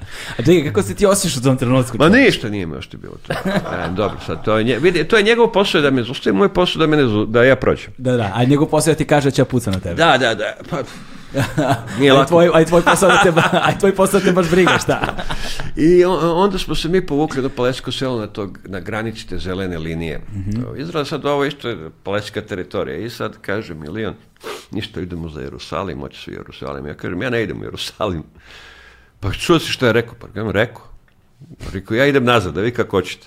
Sve ovo možemo da ono trejsujemo da, da nazad do onog klinca koji je vozio motor sa 13 godina. Da. I, I uh, onda je tu bilo malo office, on je zvali ovo, ono, ja sam rekao, vidi, uh, ja za 10 minuta idem nazad. Ti kako hoćeš. Wow. Mm. I onda su neko svi ušli u taj auto. Stvar. I se ja pogledao levo desno i bila nizbreća jedna kroz neke maslinjake, ja tu malo zažmurio i bum dole. E, I onda sam e, rekao, ovaj prat gledao ovaj moj auto, rekao sad ćemo to da idemo peške. Wow. I e. koliko, koliko, koliko daleko ste stali zapravo? Ne znam, išli smo celo popodne, pa smo u nekoj kući spavali kod palestinaca. I onda, ja pitam ove parape, pa kako, kako da uđem tamo? Kažu, nema može da se uđe. može da se uđe. I on kaže, vidi, idu neke žene ujutro, na neku hranu. I Ja ka, ja se ja tu, isto su ove žene nose nešto, ja su se mi tu šunjali u sredini, međutim... Iste su, žene? Da, da. kako ste se šunjali, šta? Pa malo su se ono da... Maskirali, ne? Pa ne, ne, nisam se maskirao, Ne. kako se maskiram, nosim 500 mm na leđima, kompjuter, sve živo, tri aparata, kako, bilan ko mečka. još si visok, koliko si pa visok? Da, metar, 95, 6. Da, to. I još idu sad svi sa mnom, znaš, i u jednom trenutku to iz Izraelci provale i počnu da pucaju oko nas. U jevot. I ovi žene počnu da vrište i ovi su oči, kajem ja, rekao, ja sam došao do pola, sad da bežim nazad ili idem tamo i ja kajem, ja idem. I onda su tu ovi pucali oko nas i tu, tu me povredi jedno, oni je nešto palio neki metak pa, pa mi je pocepao nogu, bilo neka cep, valjda od kamena, kako znam šta je. Dokle, Kao šrapnel neki? Nije bio šrapnel, ja mislim da je, da je bio šrapnel onda bi to prošlo kroz kožu ili Aha. da. da nego ja, ja, moje mišljenje da je, da je, pošto je to bio veći kalibar, da je on, e, oni su posle APC-a, da je to palilo u kamen i da je kamen odskočio. I sve jedno krenemo mi unutra, trčimo mi unutra. I e, sad su tu palestinci izađu odmah da nas osveže ovo ono. I palestinci u svom tom okruženju donesu voće da te počasti. Pa nisam mogu da uzem I... Naviknuti ljudi na sukobe. Pa da, pa jeste, to, to su uvijek ljudi, ne, to ljudi su takvi uvijek dobri, uvijek su, da su dobri ljudi. Jevo te, živ čovjek se na sve navikne, stvarno. I, i onda su mi to slikali, E, ja da pošaljem, ja imam neki taj kompjuter još s Kosova, nema baterije ništa, čoveče. Dok se ja tamo došao, otvorio za telefon, ma nema rikno kompjuter, kompjutera, baterije tamo sa šta da radim, sredstva jer da se vratim to da šaljem. Ovi stavili dva borbena vozila, kako ću sad čoveče. I ovaj, znači, rekao, zamoli, rekao, ne, rekao, samo malo drevnem, rekao, ja da razmislim. I ovaj, i on kaže, dođe onaj Arapin, kaže, vidi, ovaj, kaže, izgleda da su promenili, da, da menjaju šihte. A ga smenu? Menio smenu, da. Aha. Ja kad se vidio, ja uzem ovo sve, natovarim i rekao, ajmo ljudi, tečanje kroz maslinjake. Nazad. Nazad, međutim oni nas snime. Oh, je. I mi smo trčali, trčali, trčali. I onda, više nismo mogli da trčali, ja spao. A, pancir, kompjuter, to se stara oprema, teško, 300 kila ima. I ja kajem, dobro, ako pao sam, pao sam. I ja vidim kako dolazi borbeno vozile, kako izlaze vojnici i da, da nas gledaju gde smo. Jeli. Međutim, izgleda da oni nisu da su mi toliko brzo trčali. oni su, kako je bilo ulicu, oni su počeli da, da, da trkeljišu ovaj deo ulice. Zadnji, iza vas. Iza mene. I ja gledam, rekao, ja, super. I ja opet natovarim ovo i počnem da bežim i ovi svi trče padaju tamo, svi, svi smo riknuli. Ja, Koliko da vas je bilo? Pa, Mahuz, Mike Heinrich, uh, Leon i ja, četvora. Četvorica, aha. Da, i, i seća se da bila neka, neka E, taraba neka ograda koju sam ja teo kao stipličazu da pretrčim, kao što sam da. neka trčao. Međutim, ja e, se to kovara ja prošao kroz nju, to sve raspalo je. I onda kad smo kidali malo dalje, onda su palestinci istrčavaju, samo jedan po jedan dolaze, uzime jedan para, drugi para, torbu, držete i bum. I sjeća se da sam e, uspeo da, ne znam, ima stroja, nema neku stroja, su oni našli neki agregat da mi pokrene kompjuter koji nije mogao čak da izgora dva kompjutera, toliko je bio slab. I onda, smo, e, onda je bio problem, mora se vratim nazad sve do kraja, da nađem auto, da se opet prošunjam i tako. E, gde si ostavio auto? Ono... Pa u Maslinjaku je da se se popeo gore posle. E, si, el, če, si mogo... e, si mogo... A ne, jedno mi se u Izraelu desilo da, da sam zaboravio, da nisam mogu da nađem auto. Jer tek sam došao tamo. Čekaj, tamo. šta se desilo u Izraelu? Pa ne, ne, pa došao ja tamo i ovaj, tad je bilo GPS-a ništa. I kažu, ej, moram još da u Ašto da slikaš poginu vojnika. Kažem, dobro. Gde je Ažut? Kaže, nađi na karti. Ja, krajem ja dosta rano, ne mogu da nađem iz, izlaz iz Jerusalima. Da. Na kraju nađu, zovem jednog kolegu, on mi to uh, eh, iz Radca, on mi to jako dobar lik bio. I on mi tu pomogao, ali karte to je bilo, sve da i vozim. I na kraju nađem ja Aždot, I onda me zove i kaže, e, ne možeš da ješ na sahranu ako nemaš nikakvu kapu. Aha. Ja gledam, Čekaj, pa. one jamake, ne, šta je? Kipa, nije, Kip, ne, ne, da. ne mora kipa, da bude može bilo kakva kapa, šešir, bilo što, samo da je glava pokrivena. I sad ja već u panici kasnim, pošto sve to, sve... I ja sećam da je bila gde da je bila radnja da su prodavali neke ženske vunene kape. ja sam utrošao i kupio neku kapu s ružom i stavio na glavu. I ne, pitam ja i dođem, ja tamo utrčim na to. Da staro neko da. komičnije. utrčim na to groblje i slikam to i sad ja krenem nazad, ja ne znam više da mi auto. Ovi, da, u haosu. I onda sam, da, onda sam našao nekog taksista koji mi dva sata vozao po Aždudu. Na kraju sam našao auto da pošaljem slike. Ali to je tako nekad bilo, kažeš ti nije bilo to, nije, nije se tako lako da išlo od A do B. Sad je ovo super, evo tebe sam našao odmah GPS. Pa da, između ostalog, da. da. Ovaj, ali dobro, postoje zone gde i dalje nije, ono, Google mape i GPS ne mogu baš mnogo da pomognu, znaš. Ovaj, u Somaliji, na primjer, znaš. Sad, znaš, ali... Ah, Somalije, Somalije, ali tamo imaš dobre vozače. to jeste. Da. Najbitnija na stvaru, stvar u našem poslu je dobar šofer. Dobar šofer i fikser. Uglavnom je to isto. Pa da, izme, da, da, to, je, to si upravo. To, to je za, za vašu generaciju mlađih kada imate kintu. Ja tu staro vreme, šoferi i fikseri sve. Koja kinta, čoveče, mi...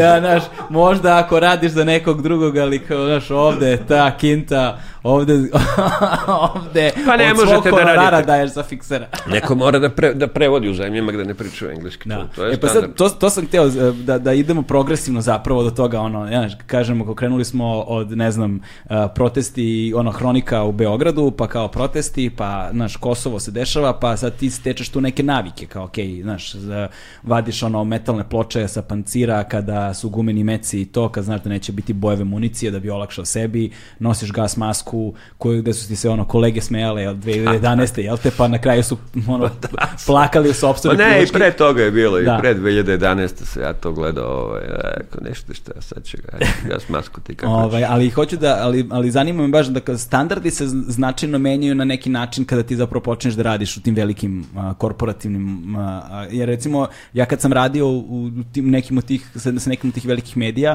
tu su recimo radili stalno ti risk assessments, znaš, su se radili na primjer, te procene rizika na neki način, e, pa gde da. određuju da li te šalju, da li te ne šalju, Ma da, kako to se je, To je novo vreme, ja sam čovjek iz starog vremena, to da. nema veze sa životom. Nema veze, a? Pa to je, evo, to je sad radila.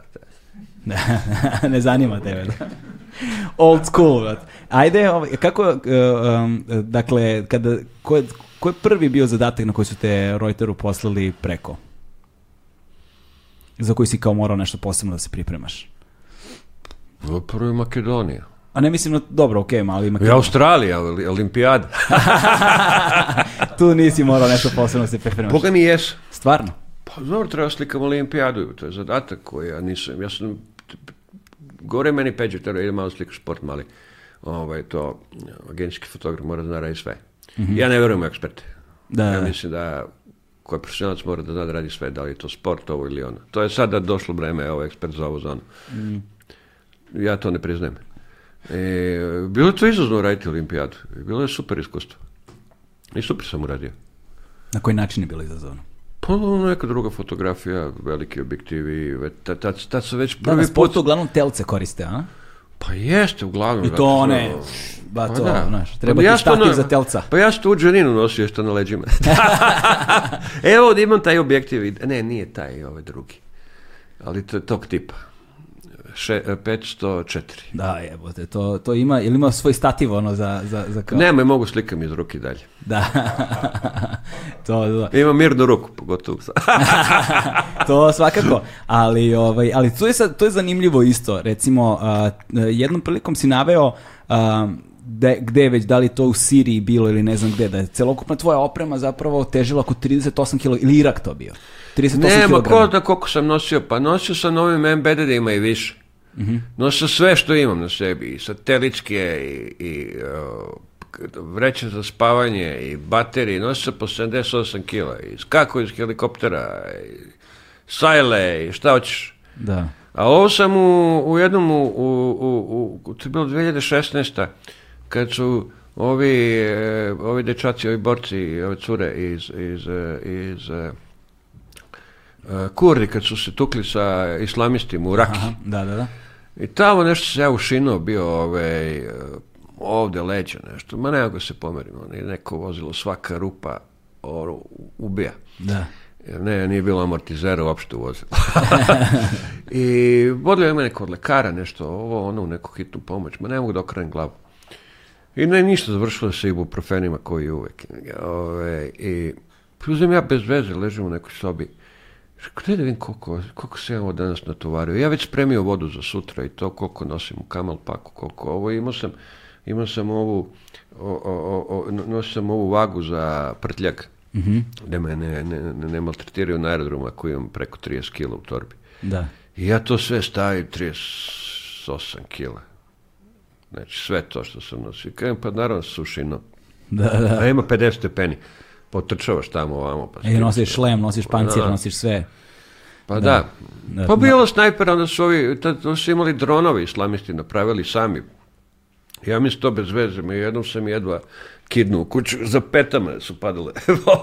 Čekaj, nemoj da me zjebaš. Napravili su svoje dronove, imali čoveče. I šta, ka, čekaj, ajde, ajde, sad, ajde, ajde iz početka sad. Pa vidio sam objav... to, vidio sam to i u Mosulu pre toga. Uh mhm. -huh. a, a, a, u sam Mosul i to sam tamo vidio par puta sam kidnuo ono, a ovamo baš je bila jedna očigledna situacija, gde da ovi kurdi kažu, ma ne, kaže, evo, kaže, dron, dron, i, i počnu da beže. I ja rekao, ma kakav dron, ma rekao, kaj da kidnem je, kako sam utrčao za nama nešto puca. Znači, nešto uspe. Znači, oni su, islamisti su napravili neko svoje doromove u kućnoj radinosti. Da, a čekaj, I, kako izgledaju, jesi ih ti pa vidio? Nisam ih, vidio sam neke sobaljene, obaljene, vidio sam to i u Iraku. Koliki su oni zapravo? Pa nešto napravljeno, ne, ne, neki mali, mislim. Nije, pa šta, kao metar i po, dva? Pa tako, nešto, koje je tvoj jasto, bilo raznih dimenzija. Ali vidio sam da, pa, da, da, da, da. padaju neke bombe. Da, da, čekaj, i oni na njega zakače šta? Zakačili su neke, neka eksplodine naprave koje su padale iza, iza, i padale. Iza mene kako sam kidao. Ujevote čoveče, koliko ne. daleko tebe su padale? Ma ne znam koliko daleko, ovo ovaj, bilo je ovo ili ono sa artiljerijom više toga, ili ovako, ali bilo je e, dovoljno blizu da nisam trčao da bi možda bio povređen. Da, da, da. Ujebote. Meni bi to jedno iskustvo bilo dovoljno da kažem sebi, ok, možda sam preterao sa više. ja odustajem, znaš. Ma ne, Možda se vratim na olimpijske igre. Kao. Ove, ovaj, e, ali Sada, ta, ta priprema me zanima, znaš, sećam, sećam se ti ja smo nešto komunicirali, bili kraj avgusta, početak septembra meseca mm. bio, i si ti popizdeo jer nisi otišao u Kabul kada su... Ma daj, daj, nećemo to. kada su talibani zauzeli, ovaj, ali tu se otvara tu se, tu se otvara zapravo tema jer baš u to vreme uh, u tih nekoliko dana jedan tvoj kolega je poginuo u Kabulu uh, baš to na početku da. talibanskog preuzimanja Ovaj, I onda smo na Zvojica pričali da se tu otvara tema a, pripreme zapravo za teren. Dakle, na koji način se čovjek priprema za odlazak na takav teren? A, gde, je, gde si smešten? Šta nosiš sa sobom? A, gde nalaziš kontakte? A, kako uspostavljaš te kontakte? a, odnosno to su ti fikseri, prevodioci, a, vozači i tako dalje. Na koji način ti zapravo sebi umanjuješ taj stepen rizika i kako izgleda u profesionalnom kontekstu taj proces pripreme? To me zanima. Znači, kako si ga ti učio kroz vreme? Pa, kako sam učio? ne znam kako ti objasnim, ja sam da, znači ako, ako pr prvo ljudi imaju strašni predrasu u ovom što mi radimo, to mi su to neki ludaci koji idu s negdje prate fotoaparatima slike, slikaju, znači, to nije da. tako. Da. To je jedan ozbiljan posao, to su jedan ozbiljne pripreme.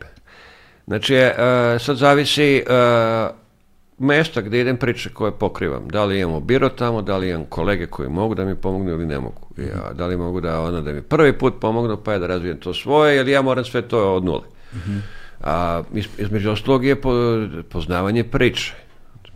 Ako ne putujete u Somaliju ili Irak ili bilo gde, znači ko je priča i šta se tu dešava, znači neka, koja je tu politička priča, da se zna istorija zemlje, da znaju koji su politički akteri danas, e, da se pročita i da se razgovara sa ljudima, da što nije sve u mainstream medijima kako, je, kako jeste, u stvari da, da, da te redu. I to što ja mogu da pročitam u na, u vestima, to ne odgovara uvek stvarnosti kako ću ja tamo da se ponašam. E, zavisnosti od priče sad, ali to, to, to prvo poznavanje istorije i šta se tu dešava, to je najbitnije. I onda kreće to na šta se dešava na terenu. Kontaktiranje ljudi ko, kako možda ih kontaktirate, kolege koje su bile tamo, njihovo iskustvo i onda se sve to mm. procesira u glavi i onda se pravi neki plan. I tako to funkcioniše. E, ja imam jednu priču iz e, koje su, koje sam pričao par puta o nekim dobrim prijateljima i čak u, u vrhu Reuteru, to je, to je priča o 50 dolara. Mm -hmm. Kad sam došao u, u Džubu, prvi put u glavni grad Južnog Sudana, pa još tad nije, se, nije, nisu ni proglasili nezavisnost. Kad je to bilo? O, neka 2008 9 ne mhm. znam mm -hmm. ja. I ove, ovaj, sad dođu tamo i nema nikog tamo. Došao sam u jedan, jedan bio zabit, prilično primitivno. Ok, kako, prvo kako si došao tamo? Avionom. Došao Avionom neki, si sletao na aerodrom? tamo i onda tamo na aerodromu neka čudna pravila. Kako izgleda aerodrom tamo? Ba nešto, vrlo to skromno. I tamo nekto proces, ošto je procesiranje vize, pa da li imam ovo ili ono, pa oči kintu, ne dam kintu. I tako da je tu se izbori neko sa sa koferima i da vidim... Svojim... Kako carine prolaziš s tim pa koferima tamo? Pa to tamo? je bilo, da li imam Šta si se pa- nosio sa sobom uopšte? Pa šta sam nosio? Nosio sam... E, šator. ne, šator za, koji je od mreže napravio od za komarce, to uvek nosim, to je lagano, vreću za spavanje i to, ali ja sam čuo tamo mogu da nađem sobu. I razno razne lekove i ostalo. E da, to je, e, u, u, upamti samo podsjetnik da stavimo jedan mentalni zapis, mhm. zapravo Afrika i putovanje u Afriku se značajno razlikuje od putovanja recimo po Bliskom istoku. Pa dobro, gde je u Africi? Što dobro, možemo Isto to, to da ali to, znaš, kada govorimo o hitnoj pomoći, kada govorimo o pružanju prve pomoći na, na brojne načine, znači ti zapravo za Afriku moraš posebno da se pripremiš u tom kontekstu. Da, da, da, da, da, ali pričat ćemo o tome, nastavi, molim te. E, sad ja tu ne poznam nikog, ne, ne, ne znam, možete, ništa, sad sam tu čuo za neki hotel, ja odem tamo, neko ko neko to rezervisao, oni mi daju hotel za 100 dolara, neka baraka. Mm. Neka klima je radila do dva, onda ne može da radi to toliko je bilo vruće, onda se znojiš do pet i onda malo to radi opet. I sad kako da startujem vozača? Ko je do, ko, ko, ne znam čoveka. Ali koliko, koliko govore engleski tamo? Pa govori, on meni kaže kako se zoveš, kako, kako ti zoveš, kaže ja, ja sam Luis Figo, ja, kažem, ja sam Diego Armando Maradona. ovaj, Stvarno? Da, da. E, da, futbolera se da, da, da, da. I dođemo do hotela, ja kraj pomozim ja kofere, to odnesem unutra. I on mi daje biznis kartu, taksi, piše Luis Figo. Stvarno se zove čovjek Luis Figo. ja kažem, dobro, Figo, evo ti 50 dolara, ili promeni mi, daj mi lokalnu lovu. E, sad, to je super fora. To je cela priča. Imaš nekoliko opcija. A, e, najbolja opcija je da ti zapali 50 dolara i da se ne pojavi više nikad i onda znaš da znaš, da, da znaš gde si. Da, da. A, e, a, e, loše je fora da ti da ti donese lovo i da ti malo marne. Približi sam vam. Da, da ti malo marne. Da. To je najgora opcija. ne, to je onako bolja opcija. Najgora opcija da ti stvarno tačno da.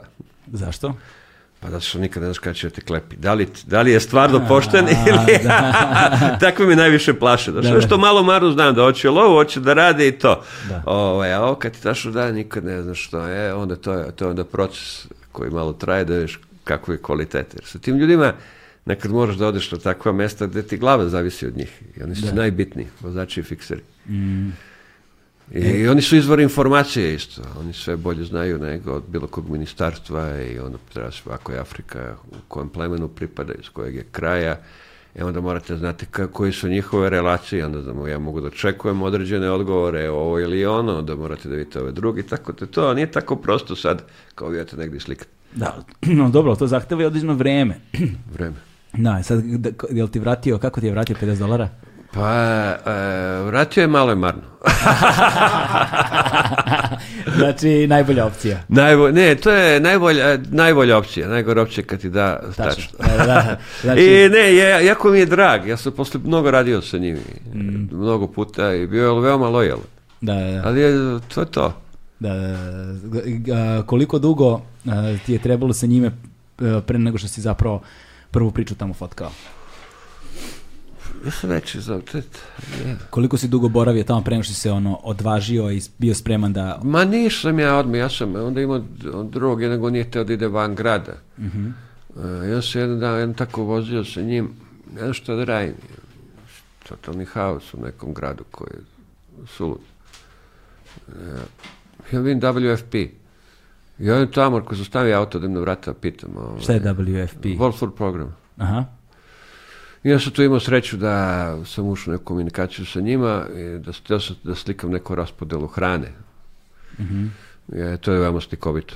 A je to bilo daleko, ja ne kažem mi nemamo avion, ja kažem dobro ću auto. Koliko daleko? Pa, krenuo sam u pet, stigao sam u četiri popodne. Krenuo si u pet posle podne? Ne, stigao sam u pet ujutro, stigao sam u četiri posle podne. Šta ne, mrakom ne ideš.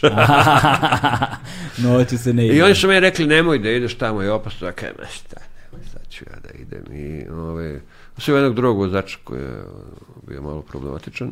Što? Dobro. Je li on bio Maradona? nije bio Maradona, ovaj, nije teo da sluša, onda sam morao da mu objasnim ono, kako, kako, kad ja plaćam auto, kako treba da se ponašati. Aha. E, ovaj, onda, Koja su pravila? Pa, i onda nije imao dobro odgovarajuću rezervnu gumu i ovaj, nije imao drugu ovaj, na takav put, jel, hoće da ima dva točka i deo alata i ostalo, pošto tamo su vozilo problematično sva. Mm. I na sreću sam tako reagovao, pošto smo imali problema sa autom u sred neke džungle, ovaj, tako da sam ja tu uspio da mu pogledam da to rečim. Da, da. Jer tamo, da, ja sam puno naučio popravljanje automobila na tim terenima. Između ostalog, da. Da. I onda smo tamo stigli ovaj, onda je bilo, i, to se onda poklopilo da, da je u jednom delu, još dok sam proglašena bila glad od ovog, od, ja to nisam znao, ali su ove slike bile super ilustracije, super slika. Ali je bilo zanimljivo putovanje. Mm. Kakav je zapravo Južni Sudan? Ovako, znaš, kakvi su ljudi tamo, kakva je kultura? Koliko si dugo boravio zapravo tamo? Pa u više navrata sam išao tamo. Uh mhm. -huh. Bio sam tamo kad su bili prvi izbori, pa kad je bio referendum za ocepljenje od Sudana, pa proglašenje e, nezavisnosti i tako. I onda sam radio i neke priče o plemenima, o dinkama, ne znam nija koliko sam puta bio. E, po, e, posljednji put sam bio 2016. Tad sam otišao u Ugandu da slikam izbeglice koje su kidnuli iz Južnog Sudana, da sam provalio da mogu da se nađem sa pobunjenicima, onda su oni napali neki grad. To je bilo jako naporno. I Što? Toga.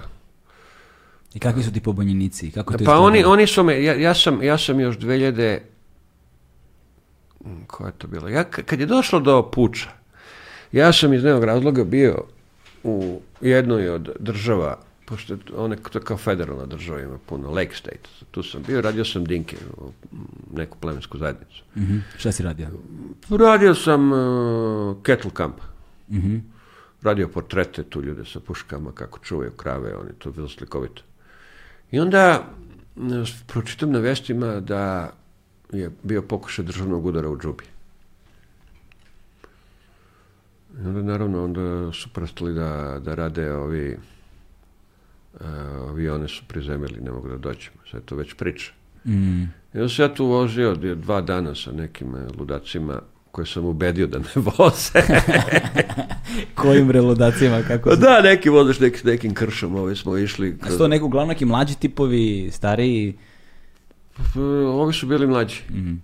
Hteli su kintu, ja sam imao kintu, ovaj, I sad e, vi treba da vozite dva dana s nekog ko prvi put vidite i tako dalje. Ovaj. Ali su bili dinke, tako da je to bilo ok, da, bili su lakše za punktove. I Ako smo došli, dovukli smo se sve do, da je, sve do uh, ne jednog gradića pored džube, da je bio checkpoint koji je bio zatvoren. Mm -hmm. A, tu su, tu je bio neki guest house gde su se šoferi spavali, a kikuje su držali iz, Ke, iz Keni, koja, znam kako je s njim. I onda sam otišao u kafanu, popijem pivo i tu nađem nekog zamjenika ministra i tu, pivo uz pivo. da kako ćemo? Znaš, ono, sporo mi se pale lampice, znaš Sve u Africi je pivo velika stvar. A, da. I onda se mi tu dogovorimo da on je zvao intervenicu, ja preko nekih prijatelja, da oni nas pustili, oni su nas pustili, mi smo došli u džubu. I tako se završila ta avantura, tu nešto sliko malo, ovaj, Mm. Bila je preskonferencija gde sam ja sam ih zbunio na toj preskonferenciji. Sam, kad su bili pitanje novine, ja sam rekao, vidite, ja kad god pokušavam da podignem fotoaparat i da slikam nešto, neko hoće da me upuca od vaših vojnika. Da. I ja hoću da slikam kako, ja to, to skroz su se zbunili i onda su me dozvolili, onda sam imao, otišao kod generala koji me vodio i onda sam slikao sve što sam teo. Mm -hmm. Dozvolili su mi da slikam.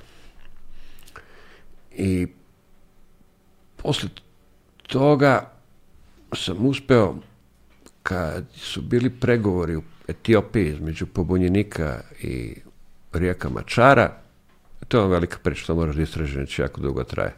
Da. Ovaj, on je bio podpredsjednik, on je tvrdio da je ovaj, predsjednik teo da ga ubije, a predsjednik je tvrdio da je on teo da napravi državni udar. I onda je Rijak Mačar nestao i niko ne zna gde je. I dalje živi ili nije. I odem na pregovor u Etiopiju, dođem kod njegova delegacija, kaže, moću im vašeg čermana. I onda sam morao da sa Etiopljanima da mi daju dozvolu da pređem granicu na mestu koje nije granični prelaz. I onda su ljudi meni to lepo dozvolili. I onda sam ja krenuo, brodom je nekim, deo 10 sati uz neku reku. Koju reku, gde? Kako obo reka. Sa jedne strane, sa desne strane Etiopija, sa leve strane Južni Sudan i tako sam cepao do mraka. Onda je bilo puno balvana u reci, ovaj nije mogao ništa, pa smo spavali negde. I onda smo ujutro došli do nekog poboljeničnog uporišta. Kako izgleda noć spavanja na reci na takvom nekom mestu? Imaš ono mrežu za komarce, baš se vriga. Imam šator koji je napravljen od toga. Pa dve glazgovače i zatvorim oči i probudim se ujutro. znači, koji level, ono, ne, ne verujem. Domaći brend garderobe Legend Worldwide je prijatelj Agelast podcasta na audio platformama. A to je bilo, to je, to je, tu se vidio najlepših predela u Africi, taj, taj, taj suton mm. pred mrak. E, jer ovaj kad je došao do meni jedan limeni čamac, ja sam mislio da me folera kad mi traži 220 litara benzina, da ono bure i ima crevu u bure. I kad sam završio taj put, nije bilo benzina uopšte. Wow. Toliko je dugo trajalo to. I, ali sam vidio te predele kao u starim hollywoodskim filmovima, mm. te neke i, i suton, e, i te kolibe, i antilope, i razno razne životinje, i decu koje tu nešto su pored reke, i to bilo fenomenalno. To je Afrika koja nestaje. Da. Koja je još dalje netaknuta civilizacijom bila. Približi samo mikrofon. Da, i onda... I približi ga sebi, slobodno. Da, da, i onda sam... Uh, uh, došao do grada Kobo, gde, koji je bio pod, eh, pod uh, vlašću pobunjenika. I onda su tu proverili ko sam, šta sam i tako dalje. I onda su mi dali uh, jedan taj hat, afrički hat, mm -hmm. koji je nekad pripadao vojsci, tu da mogu da budem. Imali su stražu, tu su me čuvali. I onda se vidio tu napuštena vozila Ujedinjenih nacija, borbena vozila, ovi to nisu dirali. I još tu danima čekao ispod jednog drveta, ovaj, onda su kuvali tu ribu. To je bilo nevjerojatno puno ribe u toj reci. I tad sam već odustao, ovaj, da pijem klorin stalno, pio sam tu vodu iz nekih bunara. Mhm. I onda se jedan dan reški sutra se spremi. I onda su došli, došla ekipa s nekim čudnim vozilima Takvim čudnim vozilima. Pa nije bilo pola isečene brusilicom. Ovaj. Znate, kao Rambo film. Da, da, ono. I, i, I, onda, I onda su oni došli po mene i ove, ovaj, ja sam otišao o, išao sam peške, pa je došlo vozilo, pa su prešli preko neke močvare, pa neko drugo vozilo i onda sam našao Rijeka Mačar. I njegovu ženu Angelinu Tan, ona Angelina Tan, ona je čak bila u pre odcepljenje, bila je ministar u vladi Sudana. Znači niko ne zna gde je? Da, da, da. A ti znaš. Da, da, i on kaže, a, kaže, ti si taj koji je zapio da me nađe. Ja kažem, poštovanje doktore Mačari i tako dalje. I kako ćeš ti ovde? Čekaj, a gde je on, gde je on bio? On je pored neke močvare s vojskom se krio. Kako je izgledalo to gde su bili? Na, pa to na je, ispod drveta je osedeo i ovaj, imao je šator i onda su ovi, bio, bio je jedan lip koji me vodio još iz Etiopije, on im je donao laptop i nešto, nisu imali ništa. Ja smo tu upoznali, sedeli, ispričali i onda sam ga zamolio da, da uradi intervju sa uh, Reuterovim birovom u Keniji, mm -hmm. koje sam ja pripremio ranije. Dao, dao sam mu satelitski telefon i tu uradio sam ga tu sliku. I, bilo super. I, uh, i on je došao, on je bio optužen za ratne zločine, ovaj Peter Gadet. On se još borio sa na strani Sadama Huseina u Zalijskom ratu. Bio je narednik, da, bio je ozbiljan lik dobar borac. Ja sam pričao sa njim, pa se ovaj malo naljutio što si pričao sa njim. Ja kažem, Peter Gade, čuo sam da to vi iz Ugande, da su te razbili, šta ćeš da radiš i tako. Kažu, ne, oni imaju, oni imaju helikopter, ali ja znam kako ću sa helikopterima i tako dalje i tako dalje. I onda sam ja otišao, onda me Rijek Mečar poslao u borbe sa jednim drugim njegovim vojskovođom kod grada Nasera. Onda sam išao opet ceo dan rekom, pa smo tamo ulazili s njima, tu sam ih slikao i tako dalje. Na kraju se vratio u Etiopiju avionom. Mm. A da bi došao tamo, imao sam, iznajmio sam avion, mali čarter. Da, to je bila, bila je operacija onako žešća. Da dođem do granice Sudana iz Etiopije. I tu su Etiopini stvarno bili super, su im pomogli. I to je stvarno bilo ekskluzivno. Da. Čekaj, ti zapravo onda moraš u tim situacijama nosiš keš sa sobom. Za sve to. Ja uvek nosim keš. Da. Koliko keša bre moraš da nosiš som za te stvari? Kako ne. ga čuvaš? Mislim, znaš, kaj, zaš, zašto neko njih ne bi došao i kao rekao, aj daj vamo sad sve i doviđenja? Pa to može uvek da se desi, da ima ti keš ili fotoaparat ili sat ili nešto, ako mm. je ako to neko hoće da urati šta u iznosu dana, možda te koknete, baci u reku, to nije problem, ali ljudi su ljudi, nisu, nije to tako. Mm. Većina ljudi su dobri ljudi. Da. Ja verujem u dobre ljude. Pa da. Znaš, Uvijek ima loših, ali da smo, da je većina loših, mi bi izumrli kao... Kao rasa, da, pa da. kao vrsta. Mislim, uh, zanimljivo je to je, mislim, moje iskustva naravno nisu ni, ni približno o tome o čemu ti govoriš, ali sam ono malo putovo je radio zna, po, sa, ra, sa različitim ljudima i ono što sam ja skapirao, barem u kontekstu svih ovih nekde regionalnih sukoba, znaš, i etničkih i ovako i onako i načina na koji posmatramo jedni druge u suštini, ovaj, kada odeš i kada vidiš te druge, znaš, sa velikim D, Da. Ovaj, da. Shvatiš da negde prosječan čovek Pa da. želi isto što i ti. Pa znaš. isto sve, pa da. Sve isto, znaš, hoće bre da, da imam siguran, pa miran život, hoće da ima mogućnost da napreduje, da obezbedi svoju decu, da ima hranu na stolu, da ima krov nad glavom, da ima nekakve mogućnosti u životu, da ima neku lepotu u životu, da može da konzumira nešto od kulture do ne znam čega što će učiniti život bogatijim i, i sadržajnijim i to je sve što žele. To je sve što žele. Samo žele da ono mogu mirno da spavaju i da mirno ustanu sa lakom glavom na jastuku, znaš. I kad, jednom kada shvatiš to gde god da se nalaziš, nekako svet počinje drugačije da izgleda u tvojim očima, znaš, ono, pa ljudi, da, sve, da, da. Znaš, pa svi su ljudi isti, to, isti to konfliktu, to je, mislim, to ide tako, ljudi da. uđu, da. uđu, pogotovo u mesta gde su, gde su različite religije ili različite plemena, to zapaliti je lako. Ba da, da, lako je ući, da, lako je sukobiti. A pa, ljudi su dobri svuda i tamo i vamo, ali mm. kada oni imaju taj neku, to, to, to, to nešto te neki međusobni spor, onda oni to ne mogu preko da pređu, onda uzmu puške pa pucaju. Da, preko. kad smo već kod Afrike, ovaj, samo se, e, da, dakle, mo, možda ću lupiti, e, ali da li si ti zapravo bio u tržnom centru? Jesam. Bio si u tržnom centru. Dakle, Nisam ja bio, ja sam čuo da je neka pucnjava tamo. U stvari... Ajde, samo sekund, ajde samo pre nego što po, po, objasnimo, ljudi verovatno, dosta ljudi verovatno ne zna o čemu govorimo. Ajde, počnemo iz početka tu priču. Pa to je kad su Al-Shabaab Al militanti napali i ubili preko 70 ljudi u tržnom centru u Nairobi, u Westgate shopping mall. U Keniji, da. Da. Ima tih snimaka ako želite da vidite po internetu kako hoćeš. Da. da. Ja, i, uh, e, Kada je to bilo? To pa je bilo iste godine kad sam bio u Siriji. E, uh, 2013. Kako li tvoj pasoš izgleda? da, da, da. Pa uglavnom traje godinu do godinu i po dana.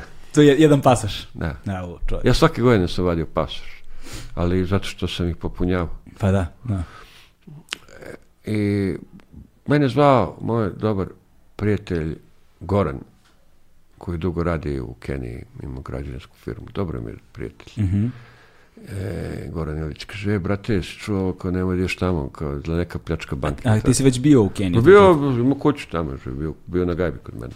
Aha, ti si živeo u da, da, Arabiju. Da, da, da, ka, ne, ne, ne, kao u, u Westgate. I dođem sa mojim drugarom, da, koji je bio bivši šef Reutera, TV Reutera za Afriku, Tom Kirkwood. I kao, ja čuo sam nešto, aj uzmi opravo.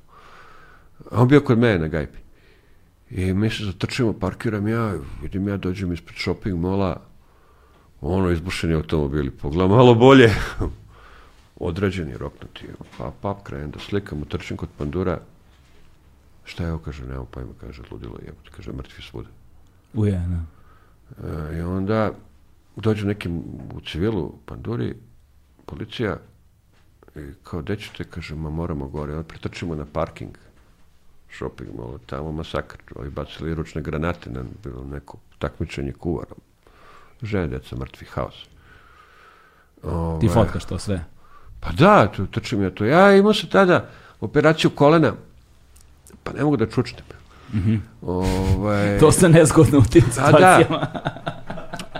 I, oh. Sve tu sliku i oni pitaju mene, šta sad da radimo? Pa rekao, Ja sam novinar, nisam ja policajac, jem, što ti kažem. Ovaj. To rekao, moraš ti da odlučiš, ja, ja ću da budem tu s tobom šta god da radiš. Ma kaže, vidim da ti znaš, rekao, šta znam ovaj, šta bi ti? Ja, ja kažem, ne znam, rekao, mene, ja lično, šta ću ja da radim, ja ću da dođem u shopping mall da im šta je unutra. A ideš ti unutra ili ne, to je tvoje. A šta si imao sa sobom? Jesi, se, jesi nosio pancir, recimo, u tom trenutku? Ma jok. Okej. Pa kako nosim pancir kad me bole kolena?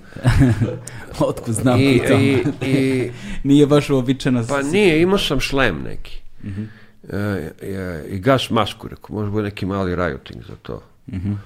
I uđemo mi unutra, tamo isto mrtvi, ovo, ono. I tu sam ih ja slikao. Ja sam jednom trenutku vidio ove militante, ja sam morao da, da kinem i da mi mu upucao. Jer kad se jedan pojavio, uvijek jedan drugi cilj i rekao, ovo će da me namesti. E, nisam ni stigao podignuti aparat. Da sam podigao, upucali bi me. E, I onda sam ja rekao, oni sad su tu bili neki stubovi. Mm -hmm. Ja im kažem, rekao, sad tu pojavilo se par ljudi sa oružjem par polica. U, svi su civili, jedan ima Kalašnjikova, jedan ima ovo, ovaj, jedan ima ono, njih četiri, pet, ja sam tu s njim. I sad me tu nešto pitao, ja kažem, ne mogu, ja sad ti pričaš šta je ti radiš. Mislim, ajde, ako možemo nekom da pomognemo, pomoći ću ti da izvučemo nekog, ali rekao, ja ću da idem tamo. I jednom trenutku kad sam ovo video, ja kažem, rekao, pazite, nemoj da poginete, zato što oni stoji za tih stubova. A to je mali stub unutra, okolo je karton. Ja kažem, kucni. I onda su oni svi su kucali tu i onda su, šta da radimo, kad dođu za stepenicu. I e, onda su mi tu krenuli tamo ovamo i u jednom trenutku smo došli do jednog dela, blizu nakumata, gde su se ovi sakrili. I ja kajem ovom, rekao, pazi, ako odiš tamo, još jednom, ako to probaš, upucat ću te. A on kaže, neće. Ja kažem, kako hoćeš? I onda on to uradio i on dobio metak u stomak. Oh, fuck. I onda je on rekao, sad neće niko da ga iznese. Oh. Ovi njegovi neće, uplašili se. I on kaže, nosi me ti. Šta sad radim? Ništa stavim aparate okolo, bacim ga na rame i krenem da trčim s njim. I on se uplašio i kad je tršao, on je počeo da puca iz kalaša i za malo mu upucao stopalo. I onda se je morao da ga bacim tamo. I onda su istrčali ovi neki specijalci, nešto se pojavili, kaj nosite ga tamo. Je. I onda, onda je moj šlem ostao tu o, i kalašnikov njegov. Trebao sam da mu uzem oružje, to sam pogrešio. Stvarno mogu da mi upucu u stopalo, odatle razvalio bi. I onda su, onda neke su novine uspele da, da, da tu novinari, ne znam iz koje agencije, da slikaju, slikali moj šlem i njegov kalašnikov, da i onda su pisali da je to oružje militanac, što nije bilo istina. I onda su mi isterali s tog shopping mola, ja sam vojska. I onda sam izašao napolje i vratio se, onda su bili specijalci tu neki. I su rekli, deće, kažem, ja sam bio unutra. Oni nisu smali dođu. Da ja sam prošao pored njih i vratio se unutra. I on sam slikao i onda sam vidio da, to je već bio kraj, već to bilo mnogo vremena, prošli mu sam puno materijala i onda se po taj vojnik koji me šutno odatle, ja sam vidio da se on vraća, rekao, jako me sad provali, bit će, uhapsit će me. I ja polako, pup, napad ja sam išao šaljem slike. Mm -hmm. I, Tako da sam bio unutra. I te fotografije... Bio sam četiri sata unutra, pet. Ujebot. Da. Čoveče, sa sjebanim kolenima, bez šlema, konstantno si se vraćao unutra, nosio da, da, čoveka na ramenu. Se, da. E, poslao mi je poruku posle toga da mi se zahvali što sam spasao život. Iz neke leteće brigade kenijske policije. Ja, jako fin čovjek, Nur se zove. Nure, imam brata koji se zove da, Nur, da. to znači svetlost. Da, da, i, znam. Da. I imam dobrog prijatelja Nure u Keniji. Živi u Kiberi. E, Znaš da, za Kiberu? Znam, znam, znam. Mislim, moji su iz Somalije, pa onda upoznat sam s tim regionom. Znam i Somaliju. znam vas iz Mogadiša. E. to su najbolje ljudi Somalici. Jeste, moji da. ćale iz Mogadiša, da, tako da, je, da. tako je. Ove, ovaj, a, mi smo, odnosno ćale iz Hauvije plemena Mm, Hauja. Hauja, Hauja, da, iz uh, uh Haši klana. Haši, ja, da. Haši klana, da. Bivši neki ministar tamo, onome neki dalji rod. Aha. Je, da, nima neki tamo koji je Haši isto, je, Aha. ne mogu se setiti. Imam dobrog prijatelja koji je bio uh, nekad ministar inostranih poslova Somalilenda. Znaš da on da, ima da, da, da, da, znam. Mnogo da. dobar čovjek. U, mm. u Etiopiji smo se družili, mhm. išli mm. na pivo i tako. Da, da, da. To je bilo, mislim, Ah, dakle, Berlinski kongres, Berlinska konferencija, dakle dva događaja ono gde je, na jednom je Srbija dobila nezavisnost, kneževina, jel te, mhm. sve vremeno Otto von Bismarck, Francuzi, mm -hmm. Nemci, Rusi, ovaj, Turci, to a na drugom je zapravo bila podela mm, a, imperialističkih teritorija ekonomska, mm. dakle kolonije koje su se podelile i tada je zapravo taj deo Somalije podeljen na, to je kraj 19. veka, znaš, mm. i mhm. onda je tada podeljena zapravo ta trgovinsko-ekonomska imperialistička granica. Mm. Mm I onda je severni deo su dobili i Francuzi, a, koji je današnji Džibuti. Džibuti. A, I on je, na, on je poslednji izašao iz francuske kolonije, poslednji da. je ostvario nezavisnost. Mm. Središnji, Bio sam i tamo. Da, taj, odmah o, ispod Džibuti Džibutija, današnji Somaliland koji yes. pokušava ostvari nezavisnost, on je dobio, on je pod britanskim protektoratom, dakle ona britanski kolonija je tamo bila i ovi najveći deo zapravo su italijani. Su italijani, tako je, da, su italijani i zbog te neprirodne podele granica imperialističke koja je bila u 19. veku su nast, kasnije nastali ti brojni sukobi pa koji, su, koji su bili. Pa i da ovo veliki deo severne Mm. Kenije je u stvari nekad bio Somalija. Pa tako je, da, da. I tamo ima, kako se zovu ti kenijski gore borci, severni, ND, ne, uh, Nigerian Army nešto N, N, DN, NRD, DN, tako ne, DNR. Nigerijski? Ne nigerijski, nego, ne, kenijski bre, ne, ne nigerijan, slušaj mene, kenijski gore, na severu Kenije, ne, sad ne mogu setim, ne mogu, nije ni važno. Daleko sam, daleko Aha. mi je to, na dnu, na dnu okeana da, sećanja. Da, da, da. Ne mogu da se setim, da. Ovaj, ali kad smo već kod tih, uh, ajde uslovno rečeno da kažemo prijateljstava koje su, koje su, koje, koje su se desile tih kasnijih kontakata, sad vjerojatno pretpostavljaš na što aludiram. Ne. Ovaj, a, borav, i vraćamo se malo vremenski unazad, Aha. znaš, idemo u Irak. Aha. Mhm. Idemo u Irak ovaj, i ti si pre ovih najčuvenijih jel te, fotografija iz Iraka, ima jedna fotografija među tim čuvenim, um, gde si pratio određene specijalne jedinice ili neku, s, nekim, s nekim američkim jedinicama si bio tamo boravio si s, ne, s nekima i ima fotografija jednog Uh, za, kog, uh, za kog su mislili da je ranjen ili ubijen. A, ti misliš na Afganistan? Afganistan, izvini. Da, ja sam puno, sam ja sam uh, od, kad, kad se preselio iz Izraela 2006. u Kajro, gde je Kajro bio milan, ja sam tu spostavio operaciju Reutera, fotografe da funkcionišu mm -hmm. bez mene, ja sam putao. Da. I onda sam frekventno odlazio u Afganistan i Irak pogotovo u Afganistanse, 2007. Tad su dosta bili fokusirani novinari na Irak, tamo nije bilo puno ljudi i nije bilo puno novinara.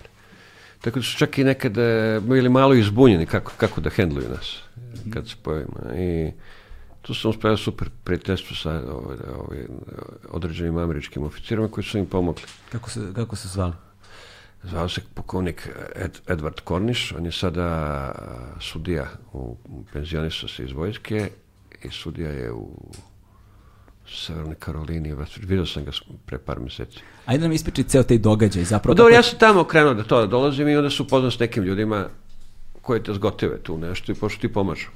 Kako ti pomažu? Pa tako lepo, ono, svi se u početku plaše novinara koji je vezan za njihove editi, takozvani embed i to, i onda u jednom trenutku ti tu provedeš neko vreme s njima živjeli. I onda ih pita, mogu da dođemo opet? Oni kažu, e pa dobrodošao si, kaže, vidiš, ovi, ovi naši vojnici su, svi bio si lag za nas, fotografski časni, nisi ništa slago, gotivi te vojska, niko nema problema, ako hoćeš da dođeš podnesi zahtev da prođe PR službu, mi ćemo da ti pomognemo. I on tako odlazio dok su oni bili tamo, jer sam imao, i, i šta to znači meni? Meni to znači da ja imam a, pristup događajima koje hoću da fotografišem, kad te ljudi malo bolje upoznaju. To, da li to sa američkom vojskom, našom, bobovnjicima, tu uvek tako funkcioniš. Da. Kad te ljudi upoznaju i vide da si častan i pošten, onda imaju drugačiji pristup nego prema nekog kog ne znaju. Mm. I ja sam jednom otišao, kaže, e, izlazimo mi, završavamo našu misiju, ajde, ovaj, dođi malo tu. I onda su bile neke akcije, pa se ja ostao onako poduženo, dva meseca, umesto tri nedelje. I onda su se pojavili u Marinci, su pošto tamo počeli Englezi žešće da pucaju, ovo, ovaj, došli su Marinci. Gde tamo, gde tačno? U Helmandu, provinciji Helmand. To je, to je onako teško mesto, mnogo prašine, jako vruće, hladno zimi, leti pa, pakao. A noću? Noću hladno isto. I uh, on se rekao, rekao, pokloniče, vidim da su došli Marinci, tamo je šibanje žešće, kako ja tamo dodam? Da I e, on kaže, pa ne znam, ajde idem kod komandanta, komandanta Marinaca da ga pitam. I onda je on pitao, ja sam stran bio u helikopteru, pozdravio se, oni otišli za Ameriku i otišli u Helmut. I, on sećam, I taj je bio taj kamp, vojni kamp Ledernek. Ja kad sam došao tamo, to je bilo tri šatora. Posle bio kao grad. Da, da. I on svojim je nekim konvojem za, za kao kažu, supply, nekim konvojem koji donosi oružje, municiju, hranu, vodu, namirnice. Da. To oni su mene tu skembali. Ja sam ceo dan putovao s tim. Jedan danas sam bio pun prašine, da se jako plašio za fotoaparate, da sam ih vezivao u plastične vreće da ta prašina ne uđe unutra. I non stop si maramu morao da nosiš. To je sve bilo, kad dišu, to sve gomila prašine mora se trese. Baš teško bilo. I onda se tu uspada da se spojim sa jednom borbenom grupom I onda su pitali šta hoću, kažem daj mi neko istoreno odeljenje. Bio jedan uh, francuski novinar je, on je dobio jednu grupu, ja dobio drugu. I onda su to bili neko okupiranoj kući, taj compound e, afganistanski od blata i to. I to su bili danima, su bile sporadične neke borbe, neke patrole, ja sam to slikao. I onda se prijateljio sa jednim narednikom Bijem, narednik William B. Uvijek u svakoj toj grupi uvijek je neko ti priđe, ba svi su bili okej, okay, stvarno da. su bili korektni ali bio problem sa, sa vodom, bilo je malo vode i to bilo je prvi dan 4 litre. Na koliko vas? Na, po glavi. Po glavi čovjek. I to nije dovoljno bilo. Ja sam odmah otišao u bunar i dehidracija ubije. Mm. Imao sam i hlorin i ovo i ono malo. Čisto. A sad reci mi koja je fora s njim hlorinom i to, samo objasni, pošto ja nisam, nisam siguran pa daš da znam. Hlorinu ima kao, kao... doza za, koje za konzumiranje. Aha. Zavisno koliko je voda prljava, prozirna čista voda kao ova, ne znači da je ispravna. Jasno. Onda dobijete bakterije, dobijete velike prolive ovo ili ono i onda dobijete veću dehidraciju, dehidracija ubija. Mm -hmm. Mi se dešavalo da dehidriram, da strašne glavobolje, slavi, slabiste i ostalo. Mm -hmm. I, I onda kako ga, kojeg ti ga sipaš zapravo? Ne, ja sipam na punim vreću Camel Pak, to je najbolje, to stane 3 litre. Ako je hladna voda, moraš čekati 30 minuta, ako je toplija voda 15, da to funkcioniše, izmučka se. Neke to jako smrde, taj hlor sad pravi tablete koje, koje manje smrde. Mm -hmm. I onda pijete. I koje promjer, recimo, koliko stavljaš hlora? Jedna, jedna, ima, pa ima tamo, piše, ima to, jedna tableta na litru. Aha, jedna tableta na litru. Ali ja, um, posle dužega pravim jako dosta problema. Aha, aha. Sad da ne ulazim u to, ali imate kiselinu, imate ovo, imate ono, ali ste živi. I ja što uzo i tad to, da. to vreme, on je došao helikopter, izbacio vodu, pa sam imao, litra bilo mi dovoljno. Koliko litara? Osam. Osam litara na dan. Nema, da. Mm -hmm. Ove, sjake, strašne vrućine. I onda se vi natovarite, pa nosite, pa hodate, pa trčite to. Ako se ne hladite, da nema vode, to je... Na da, to je pakao. To da, danas sam naučio da topla voda jako ukusna. I jedan dan su tu nešto ležali bez veze, vrućina u gaćama svi i, i čizmama i aparatima i neko počne neko puškaranje. I ja nešto izađem, pa se vratim po pancir i pričam sa Bijem. Rekao, pazi, dobio sam... A tad je moj šef koji je bio u to vreme, moj, moj, uh, Steve Crisp, on je uspeo da mi pošalje objektiv iz Dubaja u Kandahar. I došao, ja čekam na novo objektiv koji sam polupao u nekom bežanju, nešto sam pao. Mm -hmm. I on kajem bi rekao, pazi, imam nov objektiv, prvi put sam ga stavio na aparat. I on stane na zid, nešto kako smo, kako počela pucnjava, onda vidi šta je pušku i to da se pucnjava, on padne. Ja bacim aparat, uzmem da, šta ti je, živ, vidim, diše, pregledam ga, nije krvav. Dolaze marinci, bacaju dimne bombe, da ga nose, vraćam se po aparate slikama i idem da vidim što je živ. Kako je dobio ovaj metak, ne mogu ni da vidim, no nema ulaza, nema izlaza, ja pao čovjek. Da, da, a čekaj, to je bio neki veliki kalibar metak, šta je? Pa nemam pojma šta je bilo, bilo nešto, ja mislim da je bilo neka diška. Da, šta znači diška? Pa to je ono na ruskom tenku, oni što stoji, onaj 50, ovi, ovi imaju 50 kalibar, to je 12.7, 7, ali ovo je malo jače. Aha. Nije ni bitno, to je znači, moje to je mišljenje, ru... možda i nije. Ne, Mislim, ne. Aha, znači misliš da to neki ruski tank? Ne, ne, ne, ma oni to nose. Ili je možda bio, da, možda je bio ovaj 762, mislim, ja sad tu da procenim to blato kako je bilo i kako je prskalo, ne znam. Ja, mislim, ja znam po fotografiji da to delovalo snažno dosta, snažno pa udar je bio. Da. On se on je svesti, on je pao. I ja dođem iza čoška, on se smeje. Kaže, jer imaš slike. ja kaj vidim slike i pljugu. Ove. Jebote, ne znam I se onda, ko od vas. Da, da, i onda obojica gledamo to i ne možemo da verujemo. Kaže, ne mogu da veri, vidi ovo. Kaže, ja, e, ora, ima da me razbio, nisam nosio pancir. Jel imaš lema te fotografije? Pa nije. Pa nije, nije. ali da, da, da, da pričamo, ima 50 stepeni, pa ne nosi ceo dan. Ne. Nosiš kad zagusti, ako ti nosiš to priš do da umrčka. Dobro, ali počelo je poškaranje, došao na zid. Ma dobro, nije baš bilo, to je bilo sporadično, ne bi ni ja nosio. Je. Bato ja bi nosio. ne, to ti je ledlo. Možeš sada da pričaš. Tamo kad ležeš danima na 50 stepeni. Da.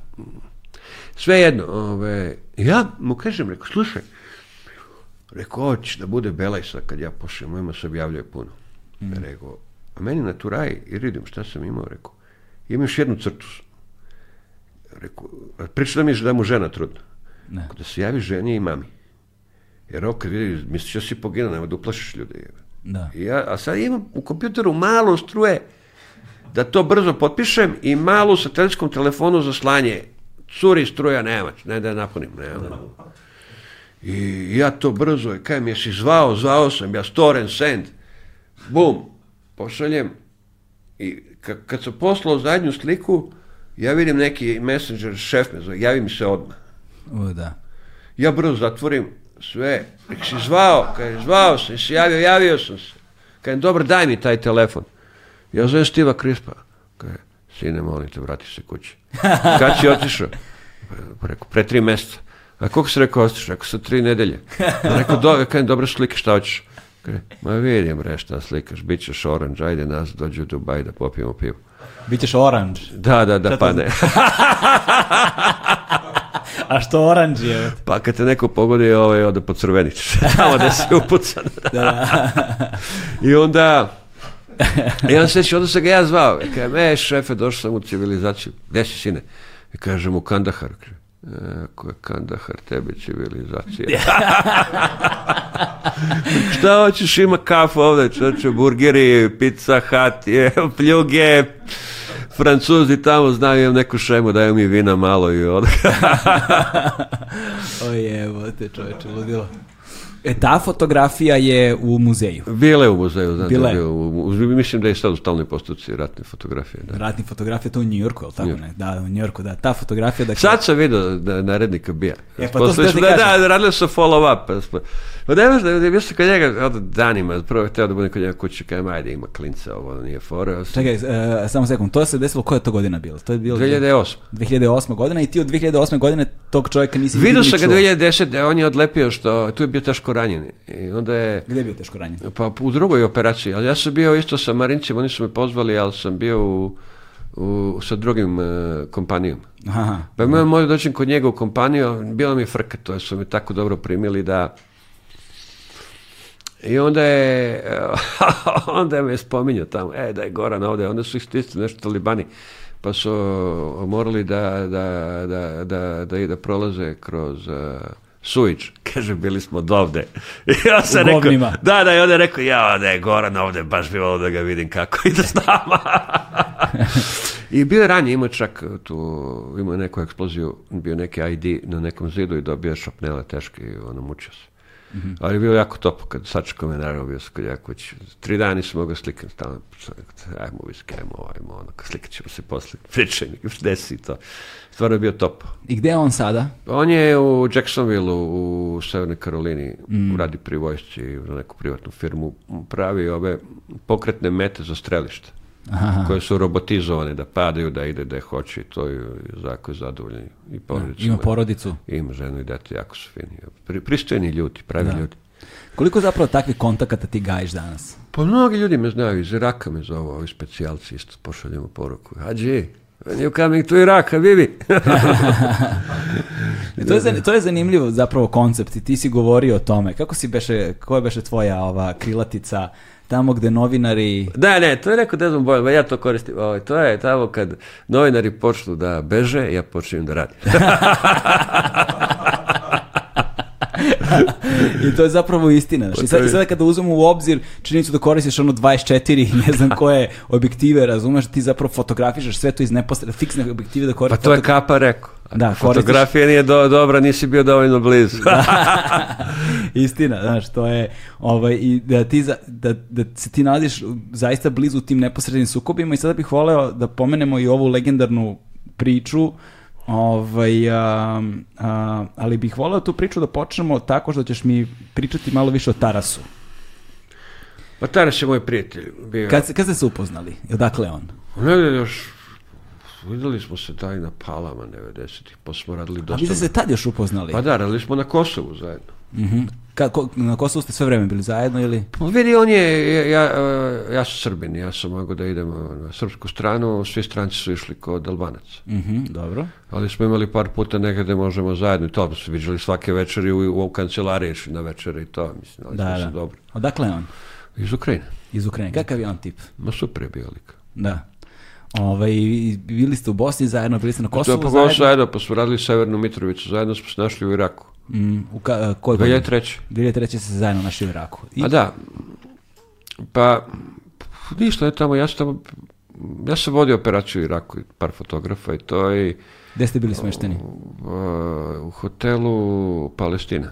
Mm Tamo smo u Bagdadu? Mor, u Bagdadu, tamo smo morali da budemo. Mm -hmm. Nije bilo puno improvizacija, ja sam bio jednom drugom gde sam hteo da ostanem i sreće da su mi računi su natrali sve novinare da budu tu. Taj bio hotel Roknu drugog dana.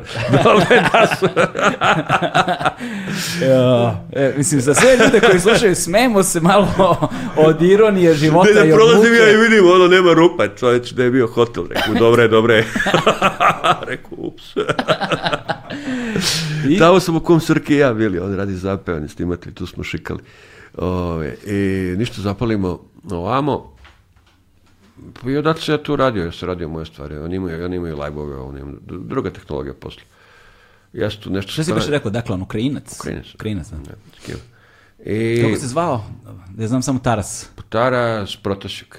Protasjuk, okay. tako nešto, uvijek sam brko njegov. Da ne bude Taras Buljba, znaš. I, ni, ni.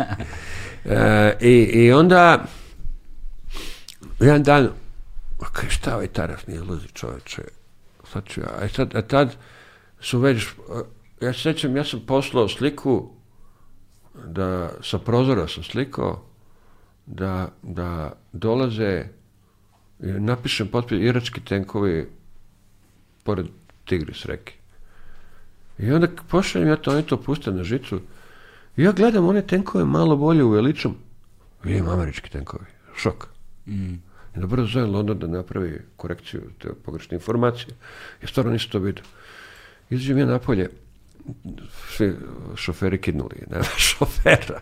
Da. Znači, mogu šofera Huseina, rekao Husein, idemo, ako je mora, kaj je mora. Jel te Husein zvao bos? da, da, bos. bos, bos. Da, ja, tamo. Da, on je, Husein je, e, posle rata dobio, čeka, čeka žena da se porodi, kaže, mi čekam danas da će da bude sin. Kako se zove? Kaže, znači se Sadam, pošto sam ja Husein. Da. A kako bude čerka? Kaže, Zvaće se kod tvoja čerka Kristina. I dobije čerku i stvarno dao ime Kristina. Ludilo. Dobar je bio. Mislim, e, to sad samo svedoči, izvini, ovo je sad jedna stanka mala, ovaj, to sad samo svedoči o važnosti fiksera generalno u, u životu jednog novinara. I pored važnosti fiksera govori i o prirodi tog uzajamnog odnosa. Pa da, ja sam imao dva udačka bilo par puta sam se loše osjećao. Oni su plakali, vozili me, toliko su se uplašili bili. I ja su tu, ono, pff, rekao sam sebi, šta radiš, što mučiš ove ljude, znaš. Nekad ne razmišljaš tu nešto, ali ja sam vidio, ovaj, isto je, ovaj, Husein je živ, ovaj drugi jedan je poginuo, je bio mnogo dobar čovjek. Sve, te sve, i on me vozi, došli su Amerikanci i on plače od straha. Da. I dalje me je vozio. je. Da je bio slikao. A stari čovjek, nije bio klinac. Da. I tu se se, to, to me baš pogodilo kad se vidio njegove suze, ovaj, i onda ga ubio Amerikanci isto nešto iz helikoptera greškom. I neke kolege. Ej, jebote, to greškom... A dobro, taj to greškom... Tako je Taras poginuo. Onda, onda ja sam došao, ja sećam tog jutra, ja dolazim do hotela i jurim Hoseina i ne mogu nijeg da nađem, kaj tamo čekaj. I dolaze dva, dvojica kolega, Sean iz Guardiana i Mike koji razdeli mir. Pitam me, štrajču, kažem, ma tražim nekog gdje je napolje, nećete, kaže, pa i mi isto, svi, svi šoferi kidnuli. Rekao, je ja šofer. I rekao, čekaj samo, i ja zovem Tarasa. Okrenem broj njegove sobe, okrenem, daj, ja se okrenem, daj, koji ti je, ajmo napolje, bre, dolaze Amerikanci, da imamo šta može. Mm. I on trenutka kaže, ma daj, ako si ti poludo, kuraš druge ljude u nevolju. To ti on kaže? Ne, ja sebi kažem. A ti sebi kažeš? I ja spustim telefon, ne sačekam da zazvoni.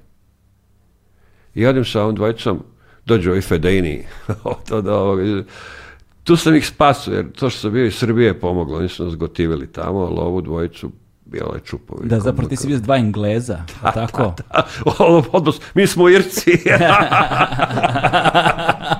Boli njih. Da ja, ka, ja, rekao, ja sam iz Jugoslavije, ona mi ovaj kaže, e, slušaj, beži to bežite odavde, pobićemo vas. Bežite da. odavde, jebaćemo mater. Ovaj, I znači, kaže, zbog tebe se da, da, kaže da. da su sretni što su s tobom. Idi u Palestinu, nemoj da izlaziš. Ja se vratim u hotel, Ameri greškom roknuli naš ofis, ubili Tarasa, Tareka, ovoga, Faleha sa Šrapneli, Samija, Šrapnel u glavi, katastrofa. Ja, baš bilo teško. Mm, ima snimak tebe. Ima. Ima snimak tebe kako izlaziš odande, kako te Ma, vode. Da, čuo sam, da. A što mrtav su da ga vidim, šta je, da se prekrstim, šta je, trajim, mislim, poginuo čovjek, baš mi... A pili smo celo, mislim, noć pre toga došao kod mene, ajmo ovo, ono. Ne. Da. Znači, neko je bio blizak meni, nije uvek imaš novinar kojima dobar si sa svima, ali neko ti je bliži, neki si prijatelj, s nekim si kolega, s nekim si poznanik i tako, on je bio prijatelj. Mm. I kako neko u tom profesionalnom kontekstu govoreći, znaš, prevazilaziš te stvari? Kako se sa njima, kako ih presabiraš, oduzimaš, kako dolaziš na neki balans sa njima, kako, znaš, na, na, ko, na koji način se nosiš sa svime time, znaš, ne znam, ne znam uopšte nikako pitanje da postavim, znaš, ne, ne mogu ja da znam šta ti hoćeš pitati, ja ću da ti odgovorim. Uh, prošle godine ja Anthony Feinstein, čuveni psiholog, pisao knjigu o fotografima. I onda su mene pozvali na, da govorim u Torontu sa grupom mojih kolega koji su od, od slikali od Vijetnama pa ono na ovamo, neke, neke sam poznavao, neke nisu. I imali su ljudi problema sa PTSD-om, sa ovim, sa onim. I onda su me pitali kako ja hendlujem. I ja sam mi rekao da ja nemam problema Zato što... Ne, ne smijem ne, se. Da, zato što, pa vidi, ako ja idem u Irak ili u Siriju, pa ja znam gde idem. Ja sam svestan šta ću tamo da vidim. Da. E, I onda je posle Korin Dufka rekla, kaže, pa kaže, bio tajac.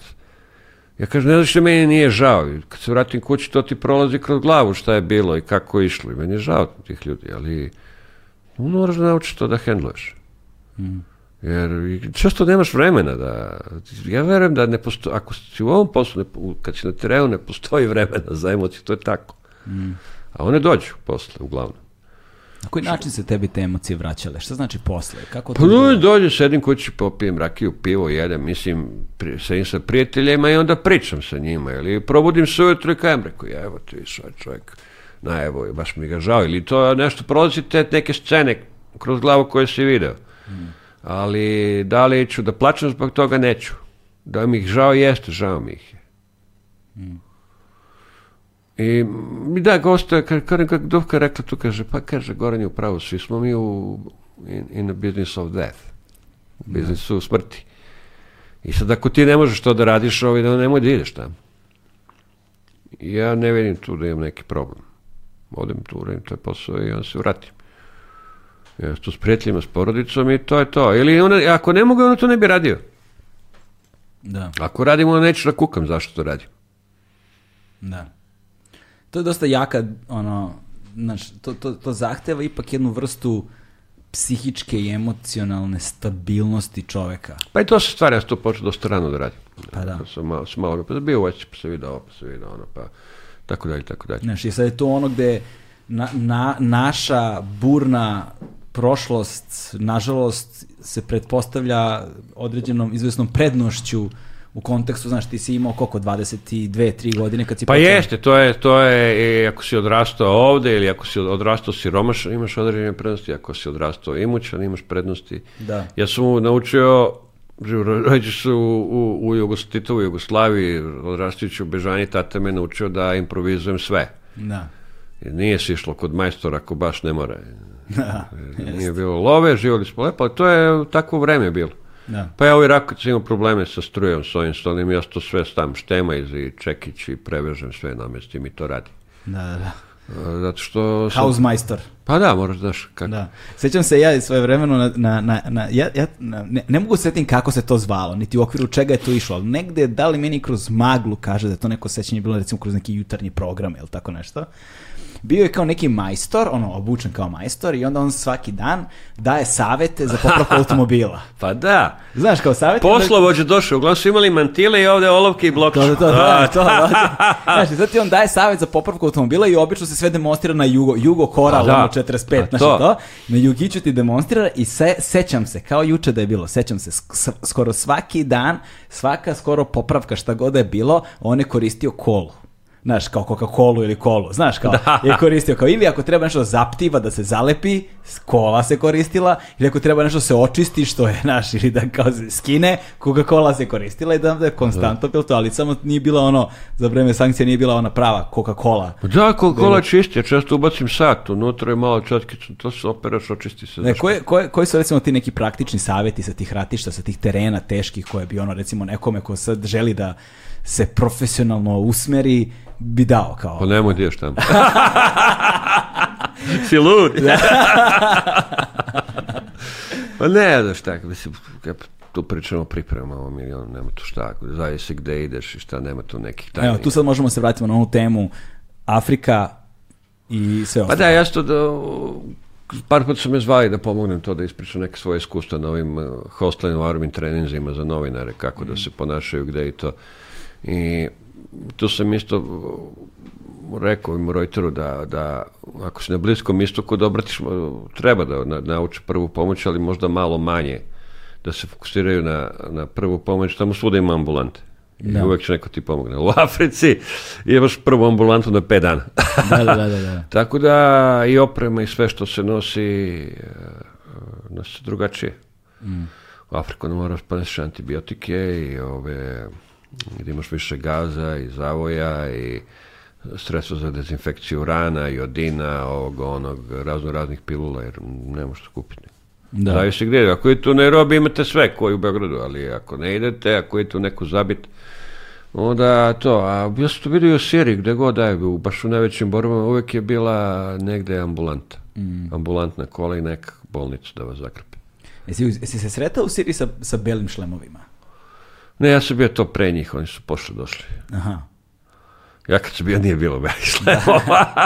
e sad, kad već govorimo o tvojim tim najlegendarnijim fotografijama, koje eto, kao što moraju da, kao što su istorije i moraju da uđu u tvoju knjigu, iako su svuda bile, i isto ovako u svim intervjuima tvojim su ovo priče koje mogu da se nađu, ali moramo i ovde da ih pomenemo, mhm. znaš, mm -hmm. prosto, a znaš, to, to je jedan od, kad god se pripremam za intervjue, uvek imam tu jednu, kako bih rekao, um, ono, naš dilemu. I s jedne strane, Uh, da li da se pripremam, s druge strane da li da se ne pripremam. Jer kad se pripremam, onda naš, moram da čitam i gledam intervjue mhm. i slušam intervjue koje sagovornik ili sagovornica ili sagovornici davali u drugim intervjuima. I onda se naslušaš onoga što je isto u svim intervjuima i onda ti nekako je, a sad mi je muka. Da, da, da, da, se, da, da. Znaš, onda, se, onda se osjećam kao ti, znaš, da, kao da. sad ću ja 16. put da slušam istu priču, razumeš? Kao, znaš, da li to da izbegnemo, a s druge strane to je ključan, neodvojivi deo iste. ovaj, a, a, Pulitzer, a, a, a, fotografija sa lica mesta. Uh, nagrada. Ovaj. Dobro, to je jedna od fotografija koje su ušle. Jedna, da. da. Ovaj, oni su otvorili tu priču sa tim i cela priča je bila da je to trebalo da se otvori zašto oni beže od nekog. Ali hajde samo da damo kontekst pre, pre, pre nego pa što... Pa to je, kontekst, to je treba... Ti ja se nalaziš gde? Uh, ja, ja, oni su me rekli, idi, ne znam gde hoćeš da ideš. Ko Reuter ti je rekao. Da, da, da. A, ja sam to bio u neke konstacije u Meksiku, nije to nešto meni pomoglo, onda sam radio to sa novinarom, mi to nisam bio zadovoljan. Onda se ja vratio sam. U, u, San Pedro Sulu. To je grad sa najviše ubistava na svetu. A gde nije, gde nije za koji nije zahvaćen ratom. Aha. Znači, gde nema rata, da je sve ok, ali... Ali, bože. Da, da, da, to je bilo super. I, ovaj, ja sam tu našao fikšera koji je bio novinar eh, lokalne TV stanice, koji to radi koji je poznavao ljude sa obe strane. Onda je roditelj tu me je strogo rekao, ako radiš ovu grupu, kriminalnu grupu, nemoj ovu drugu, jer su oni puci. Aha, aha. Ja sam išao kod njega drugi, bili su okej. Okay. Skroz. Ove, ovaj, I... I to je to. Bilo je snimanje da je, da je neki klinac roknut od druge kriminalne grupe i prošao je pevač kog sam, čekao sam ga da prođe, znao sam da će da prođe. Mm. Ja sam ga pratio kako ide i kako se vraća, svi sad što sam čekao, čekao i onda je prošao po sred, sred ulice. Ali... I zapravo si fokus stavio na pevca. Da. Imamo obe varijante. Pevac je bio po meni ono ideja. Znači da neku priču ilustruješ malo drugačije. Mm -hmm. I to je bilo otvaranje cele te priče, pokazivajući aktivnosti kriminalnih grupa i posljedice i policije kad ih hapsi. To bile super priče, čak si u zatvoru bio sliko, svašta. Da li, zanimljivo je, znaš, kako ta fotografija govori još jednu stvar, znaš, stavljajući tog pokojnog klinca u drugi plan. Pa da. Znaš, negde da je smrt postaje toliko normalna. Pa jeste, pa to je cela priča. Da je više ne vidiš. Tako je. Znaš, kako, Tako je dobro što pročita. Da. A, i, ali to je po poličari velika nagrada, ja se jako sretim, to je sve, ali neke, za neke stvari se treba dobiti to ranije, koje su ne. Da. bile mnogo bolje, onda tu malo je taj neki ukus gorčine, ali hvala im, super. Da. Da, da. Ima ta stvar u vezi sa tim nagradama velikim Ma koje da, stižu to, u trenutku kada više ne nose tu težinu, znaš. Pa da, dugo stuju sa ime za neke radove. Za ovog narednika bio, ali to su, te godine su, jer, jer e, taj rat više nije bio popularan i George Bush je pao drugi plan, niko nije tada nijednu nagradu. To je bila žešća fotografija i dan danas, to je fotografija koja je ostala neko bila izbegavan. Mm. Sopa mi je dala ovo, to je velika azijska, najveća azijska nagrada, nisu mi dali nagradu da. za to. A Ajde sad da pričamo o, o, o ovom sukobu u Siriji i ovom Uh, dva, ti si sa pobunjenicima bio... Ja sam bio na, na nekoliko puta. Prvi Čekaj, put... a Lepo ili da... De, de ovo? Bio sam, prvo sam bio blizu Homsa. Uh mhm. -huh. E, kad su, kad su pokokali naše kolege, kad je Mary Kelvin poginula i neki drugi. Al... Izvini, izvini sekund. prema izveštaju sirijske humanitarne organizacije jedne, U tom periodu je oko 650 medijskih radnika izgubilo živote ukupno za vreme sukoba u Siriji. Pa ne znam. Znaš, recimo, samo, ne. samo kažem kao kontekst ljudima koji slušaju i gledaju da otprilike steknu sliku o veličini mm. tog sukoba, iako nam je negde on svima u svakodnevici prisutan. Ja, pa, to je tamo, žešće šibanje bilo, to tamo šta mu niko te sačuva to. Da. Ove, e, ono, ja, ja sam to bio prvo u Homsu i sam morao zbrišem jer sam nešto ušao iz Libana. Onda se otvorio 2012. Ja sećam da sam trebao da slikam olimpijadu u, u Londonu. Mm. I dve nedelje pred olimpijadu me šef zvao Steve, isti taj. E, otvorio se, izgleda da se otvara lepo, mi da može se ući. Ja odem i uđem u lepo. E, tu je bila priprema važna. Sve tu provalio da, tamo, da je e, e sirijska vlada elektronski E, nisu radili big, bigan komunikacije i turaja telefoni. Ja promenim, uzem za komunikaciju turaju za internet i... E, ne znam šta je turaja. Pa turaja je satelitski telefon. Ima, ima dva tipa. Jedan za, da možete da zovete, a drugi da možete dobiti internet. Aha, dobro. E, ja sam onda napravio change. Ja sam e, izbacio bigan je jedan od sistema, njega nisam poneo, poneo sam u raju za, za internet koja je bila nova na tržištu i ponao sam satelitski telefon Iridium. Okay. Drugi, druga, druga firma i drugi sistem. Mm -hmm. I mhm. meni je to radilo. Aha. I niko nije mogao šalje slike za lepe sve mene. Oh, yeah. Ovo, ovaj, to je bila super stvar. I ali sam se vraćao često na granicu s Turskom, jer tu bio je ipak internet i bilo je bezbednije, baš bilo čupavo. Koliko ima do granice? Ma nemam pojma, tu su bili punktovi, uvijek je bilo nezgodno da, da se da svakog dana je dosta rizično da vas neko ne...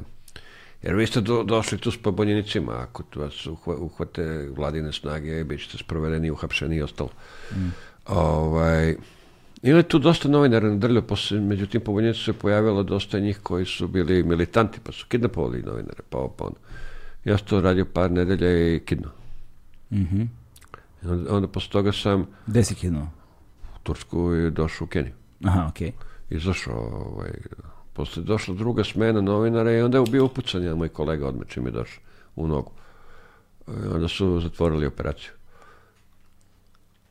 A to je baš bilo napravo. Tad sam prvi put ušao sa Lahadin ulicu i to je bilo barbe. I onda drugi, posle toga sam otišao, uspio sam dođem u Damaskus 2013. u januar.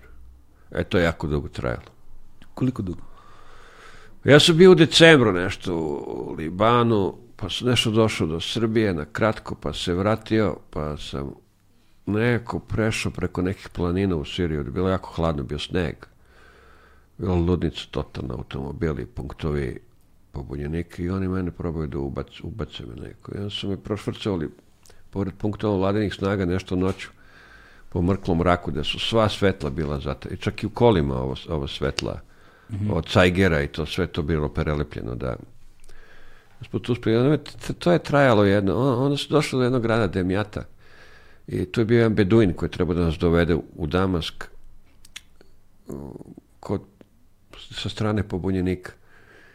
I onda smo i sedeli mi tu jedno jutro i pričamo i doručkovali i on ode da se vidi s nekim drugarom i uveć da palimo.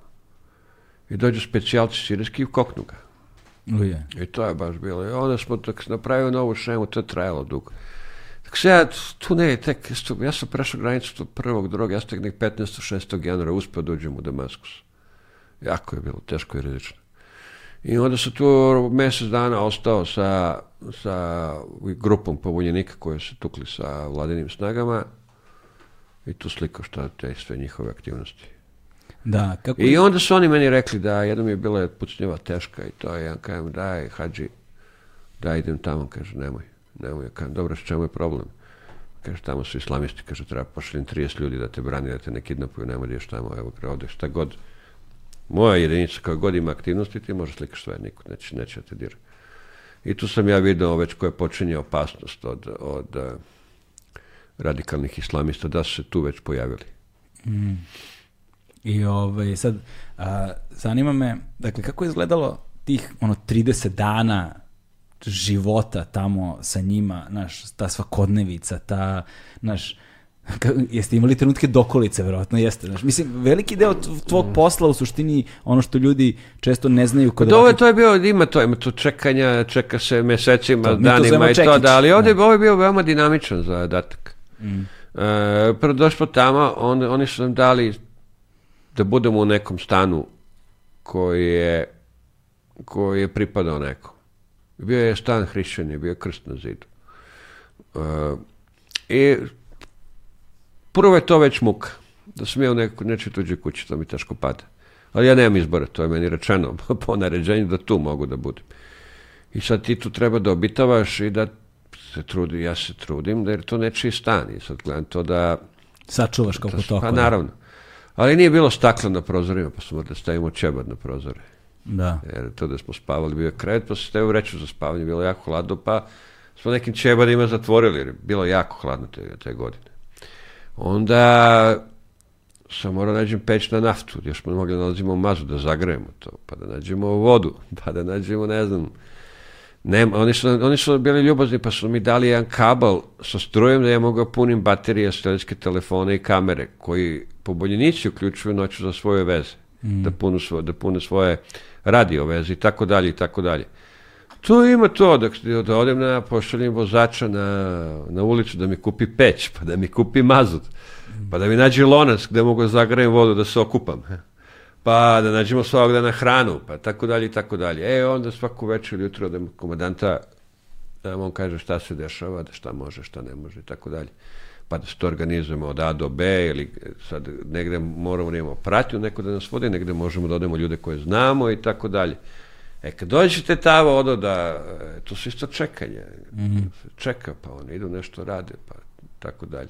E onda postoje velike operacije koje se čekaju, evo, između velikih operacija to dnevno pokrivanje. Da. Kako žive ti ljudi tamo? Kako su živeli u to vreme? Kako, pa kako žive? Idu na borbene položaje, te tu žive, onda se nekad povuku, dođu neki drugovi, malo odmore se i tako dalje. A koliko je znači- tu bilo civilnog stanovništva?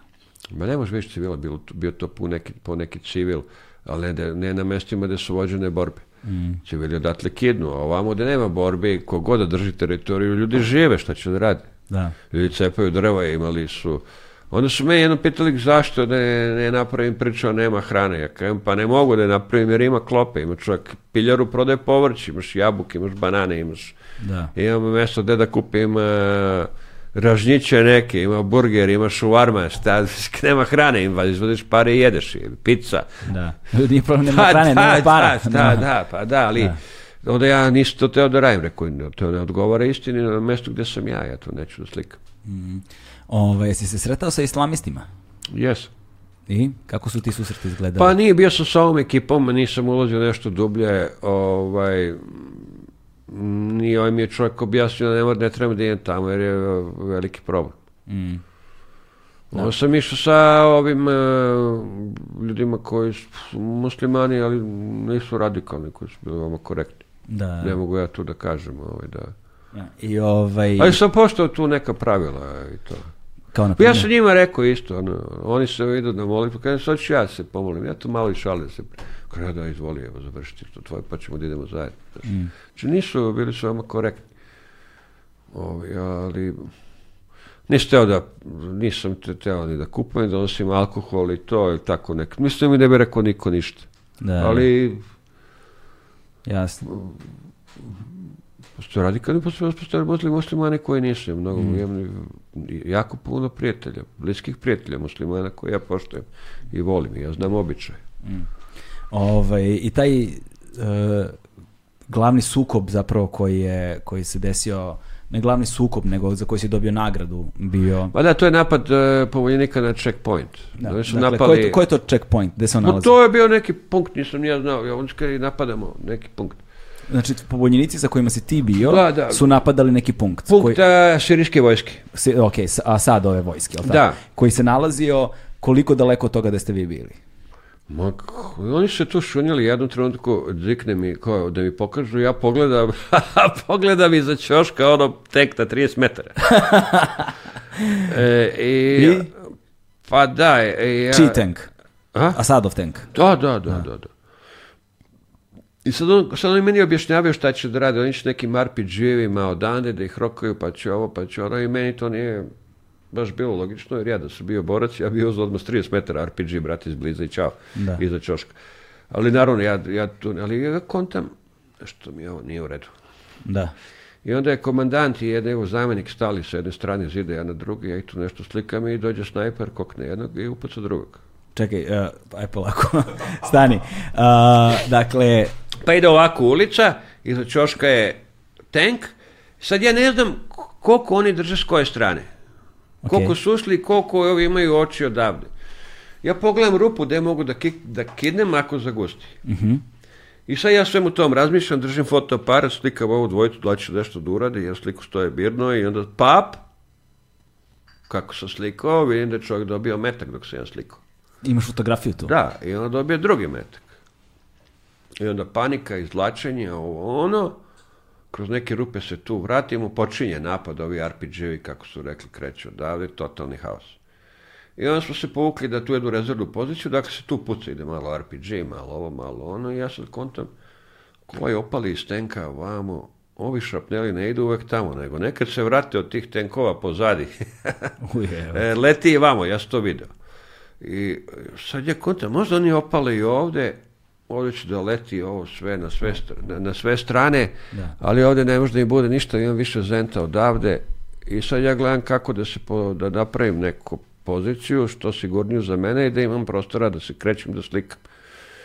I umeđu vremenu ovog su uh, Abu Steifa, to komandanta, koji je bio jako ljubazan pre meni, ja sam vidio da je on otišao Allahu, ovaj, njega su odnijeli, ovaj, I to su slikao i onda, onda počeli su da pucaju i od trenutku, bum, eksplozija velika. Pada sve živo, čovječe. I, Gađali zgradu? Ba pa da, i pada ovo zgrada gdje sam ja bio zaklonjicu, su bile super slike, jer ja sve ove borce koji se drži, kriju se od, od, eh, od maltera i cigli koje lete, znaš, i to je bilo vrlo dramatična slika. Ti ja, se dobro. nisi čuo od maltera i cigli, ti si... Pa da, ja vidim zove šef i pita me kako si, ja kaj, a ja imam probleme sa kolenima, više operacije i stopolima. Ja kaj, dobro je šefe, E, dobio sam jednu ciglu u glavu, ali kolena su dobro. I on se smeje, zavitla me i onda me zove, kad, kad je vidio slike, da. me pita da su stvarno dobro. da, da. Haos čoveče. Uh, uh. Da, jako mi je žao bilo tog, jako pristojan čovjek. Ja, ja ne ulazim zašto su oni u ratu, ali oni jesu u ratu. Mm. I sa jedne su druge strane su neki dobri ljudi. Mm, da, da. Ovaj, sad, a čekaj, ta zgrada koju su gađali, ko, gde, si, gde si napravio fotografiju kako se obrušavaju ti da, da delovi da, da. zgrade i ovi se vojnici Ma ja to znam, ja sam bio siguran što da se desi. Da. Ja sam to čekam. Ja sam imao više ovako, ako on ne opali, ako nekako dade, niste vidio taj ugo, ja neću idem tamo. Ja ne, ne rizikujem ako ja nemam razloga da to uravim. Da. Ako ja tamo nemam slike. Ja tamo neću da idem, zato što mogu da me koknu, a nemam sliku. ja stojim ovdje, ali me, znate što, da li on ako promaši ovo, pogodi ovo, ovo eksplodira, pa ovi šrapneli lete, Kada ja da stanem da imam, bio neki mali zaklon tu i ja sam tu našao sebi da, da minimizujem bio koji rizik da ja mogu da radim. Mm, da, ali sad, čekaj, a ta zgrada koju su gađali, je to bila zgrada u kojoj si ti zapravo bio u stanu? Ne, ne, nije, ne, ne, ne, ne. Ovo je, ja sam bio uh, veoma, dosta kilometara sam bio Aha. baziran da je bila moja oprema i stvari i to, znači ja svakodnevno spremim što mi treba za jedan dan. Da. Koliko si opreme izgubio umeđu vremenu, ono je stradalo kroz sve ove godine? Ste sukobi? Nisam, nisam puno, nisam puno, dešavalo se to. Jednom u centru Afričkoj republike su mi uzeli auto, opremu i lovu. Ali dobro sam, uspio sam da kidnem.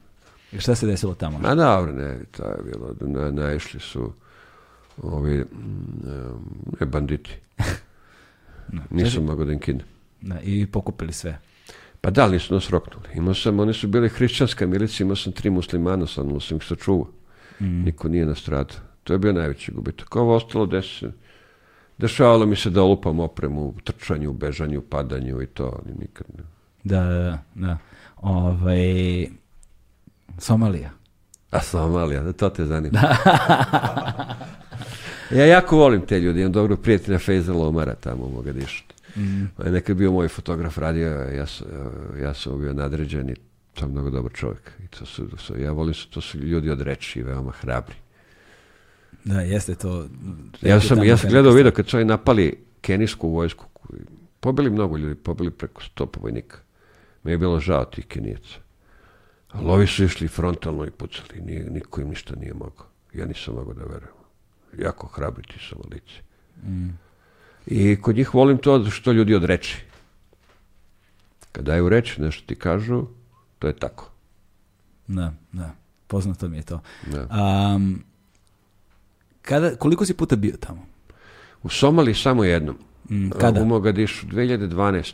Kojim povodom? A, pa išao sam da vidim Fejzala. Ako neko radi za mene, ja moram da znam šta se tamo dešava.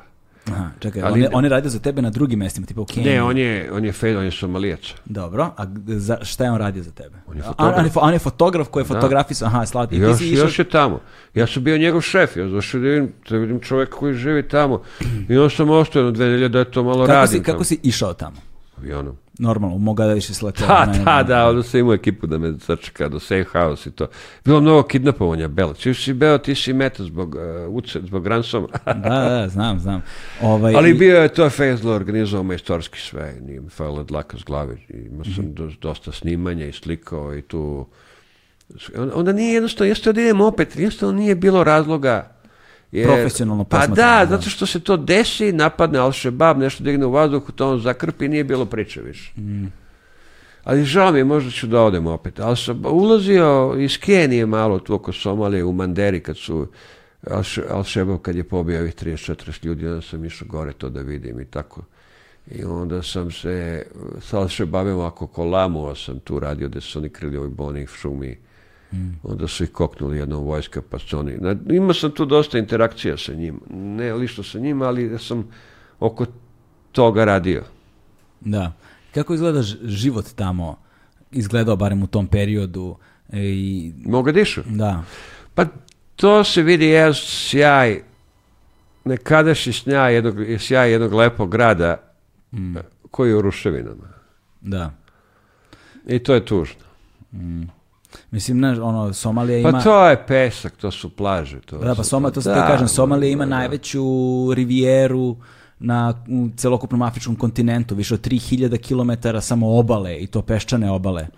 I oni su tradicionalno veliki ribolovci tamo yes. bili, zato, na, zato da imaju tako dobru navigaciju u tim, yes. vo, u tim vodama kada napadaju yes. ove tankere. Ja idem svake godine da, pe, da pecam tamo, tune, ali e, dolazim sa kenijske strane, dolazim blizu Somalije, jer svi se plaše da pecu i pa ima puno rib.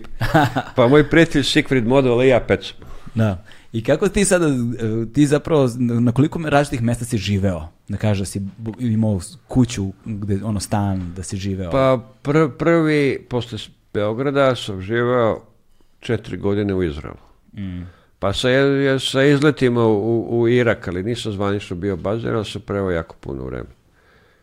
I onda sam posle, posle i, i, Jerusalima, da neka, znate to, Izrael, šta je Jerusalim, to svi se bune, da, da ne budem, posle, posle Jerusalima sam otišao u Kairo i tamo sam živao šest godina. Mm. Posle Kaira, ja, ja jako volim Egipćane, to su mnogo dobri ljudi. To oni su mi na srcu Egipćani. Jako volim taj svet. Posle, posle Kajra sam živao pet i po godina u Keniji i sad sam skoro pet godina u Istanbulu. Ovaj, zašto Istanbul? Pa zato što to je, to je došlo do nekog dogovora između meni i Reutera zbog Turkish Airlinesa. Aha. Zato što lete svuda i nekako centar sveta. pa jeste. Aj, e, prvo, Na dva kontinenta grad. I to, a, a jedna stvar što je, ja mogu lako mi da putem Bliski istok i Afriku koje sam pokrivao pa imam iskustva, mm -hmm. a, imam i dnevne letove za Latinsku Ameriku, sam lako. Aj, jako sam bio daleko od Srbije dugo. Čak to iz Karije su bili jako, nije bilo direktnih letova, pa su uvijek ta putovanja, povratak kući dugo traju. Onda ovo iz Istanbula je super, dva leta dnevno. Koli me dođem kako hoćeš. Da. Jer malo mi nedostaje Srbija zato. Da ti si zapravo ovde redko, ti ja se dogovaramo za ovo gostovanje da, već da. mesecima pa unazad. Pa sad se oko, oko korone šverče malo, pa se više ovdje. Ali si se zato zatvorio pa svoje da, selo ne i peko rakiju. Pa da, ne ovaj moj šef ne zna gde sam. Čuti, nećemo da mu kažemo. Neću, ne sme ni da pita. ako, ne, ako bude... Ako... Bolje za njeg. ako bude pitao kad smo snimali ovo, dogovorit ćemo se oko termina. da, da, da. da. Nema pojma, ne razume on naš jezik, on je amerikanac. Pa nema veze, može naš na Google Translate ili nešto. Pa nema veze, pa ja ću da mu kažem. Pa da, dobro, dobro, dobro, dobro. Ovaj, um, Gorane, uh, uh, hvala ti puno. Ovaj. Hvala tebi, ja sam uživao. Ja sam isto baš uživao i ovo bi moglo da potraje ko zna još koliko, ali ovaj, možda ćemo sačuvati za neku drugu priliku. Sačekamo da ti izađe knjiga. E, tako je. Sačekamo da ti izađe da. knjiga i on ćemo snimimo part 2, odnosno drugi deo. Da, da, return retorno od Nastavak, nastavak. E ne, ali molim te, samo... pre, nego što, pre nego što završimo, samo još jednu stvar za kraj moraš da ispričaš ovaj, Sloba Milošević i diskoteci. pa ne, ne, to je, to se desilo jako čudno. Tada je struja zove nešto, radio neku noćnu smenu i kaže, aj, e, aj, mali, dođi vamo. Koja godina? Pa, ja moram, zaboravio sam čovječ, moram pogledam slike. Malo mi je ono hard drive pumpa, pa ono moram nešto da ispustim. jasne, jasne, jasne. I odem ja se trujem tamo, on me odvede u diskoteku i ja vidim slobu sedi, mislim, bili su svi korektni. Koja diskoteka je to bila? Pa, Marina diskoteka ovde kod Belone, Beloneve pijace. Šta je bilo kod Beloneve pijace, evo te, nije bio ni klub Bardova, ne? Ma da, vidu slabo da ga slikam i mira i senta, dobro, bre, kad god predstavnik uzme pije, ja tučeš ovim blicem. Ja, bili su okej, okay, nikome nije, stvarno su bili korektni. Ja. E, okay, ubiće me struja ako slika nije dobra, pusti me. Ma da, ti ćeš to da daš Reuteru, pa daću. ja. A znali su da dajem. Ali, mislim, to je sve to bilo profio, mislim, on tu bio, koji je razlog da se tu bio pozvan, to je trebalo za prvo izdanje politike ujutru. Mm. Ja sam dao tu sliku kako je politika tražila i on sliku kako treba slika za Reuters. Da. I sve je okej. Okay. I to je to. To je to. Ok, e, stigli smo do kraja. Hvala ti puno. Hvala ovaj, dakle, Zahvaljujem. Knjig, da, knjiga Vajar, Vajar, je li tako? Vajar, da. Vajar, knjiga Vajar izlazi u septembru sledeće godine i verujte mi uh, u svetu fotografije to će biti veliko i značajno delo ogromna je čast zaista ovaj što si došao ovde hvala i... tebi čast i moja Hvala ti, hvala ti puno, ovaj, a probat ćemo još malo ove tvoje rakije sad kad se... Da, da. I da, odlična ti je rakija, i hvala, hvala ti na rakije. ima još, ima još. to, da. Za par dva dolazi već flaša. o, obavezno, obavezno, to je to. Hvala puno, stigli smo kraja. Ćao. Ćao, hvala.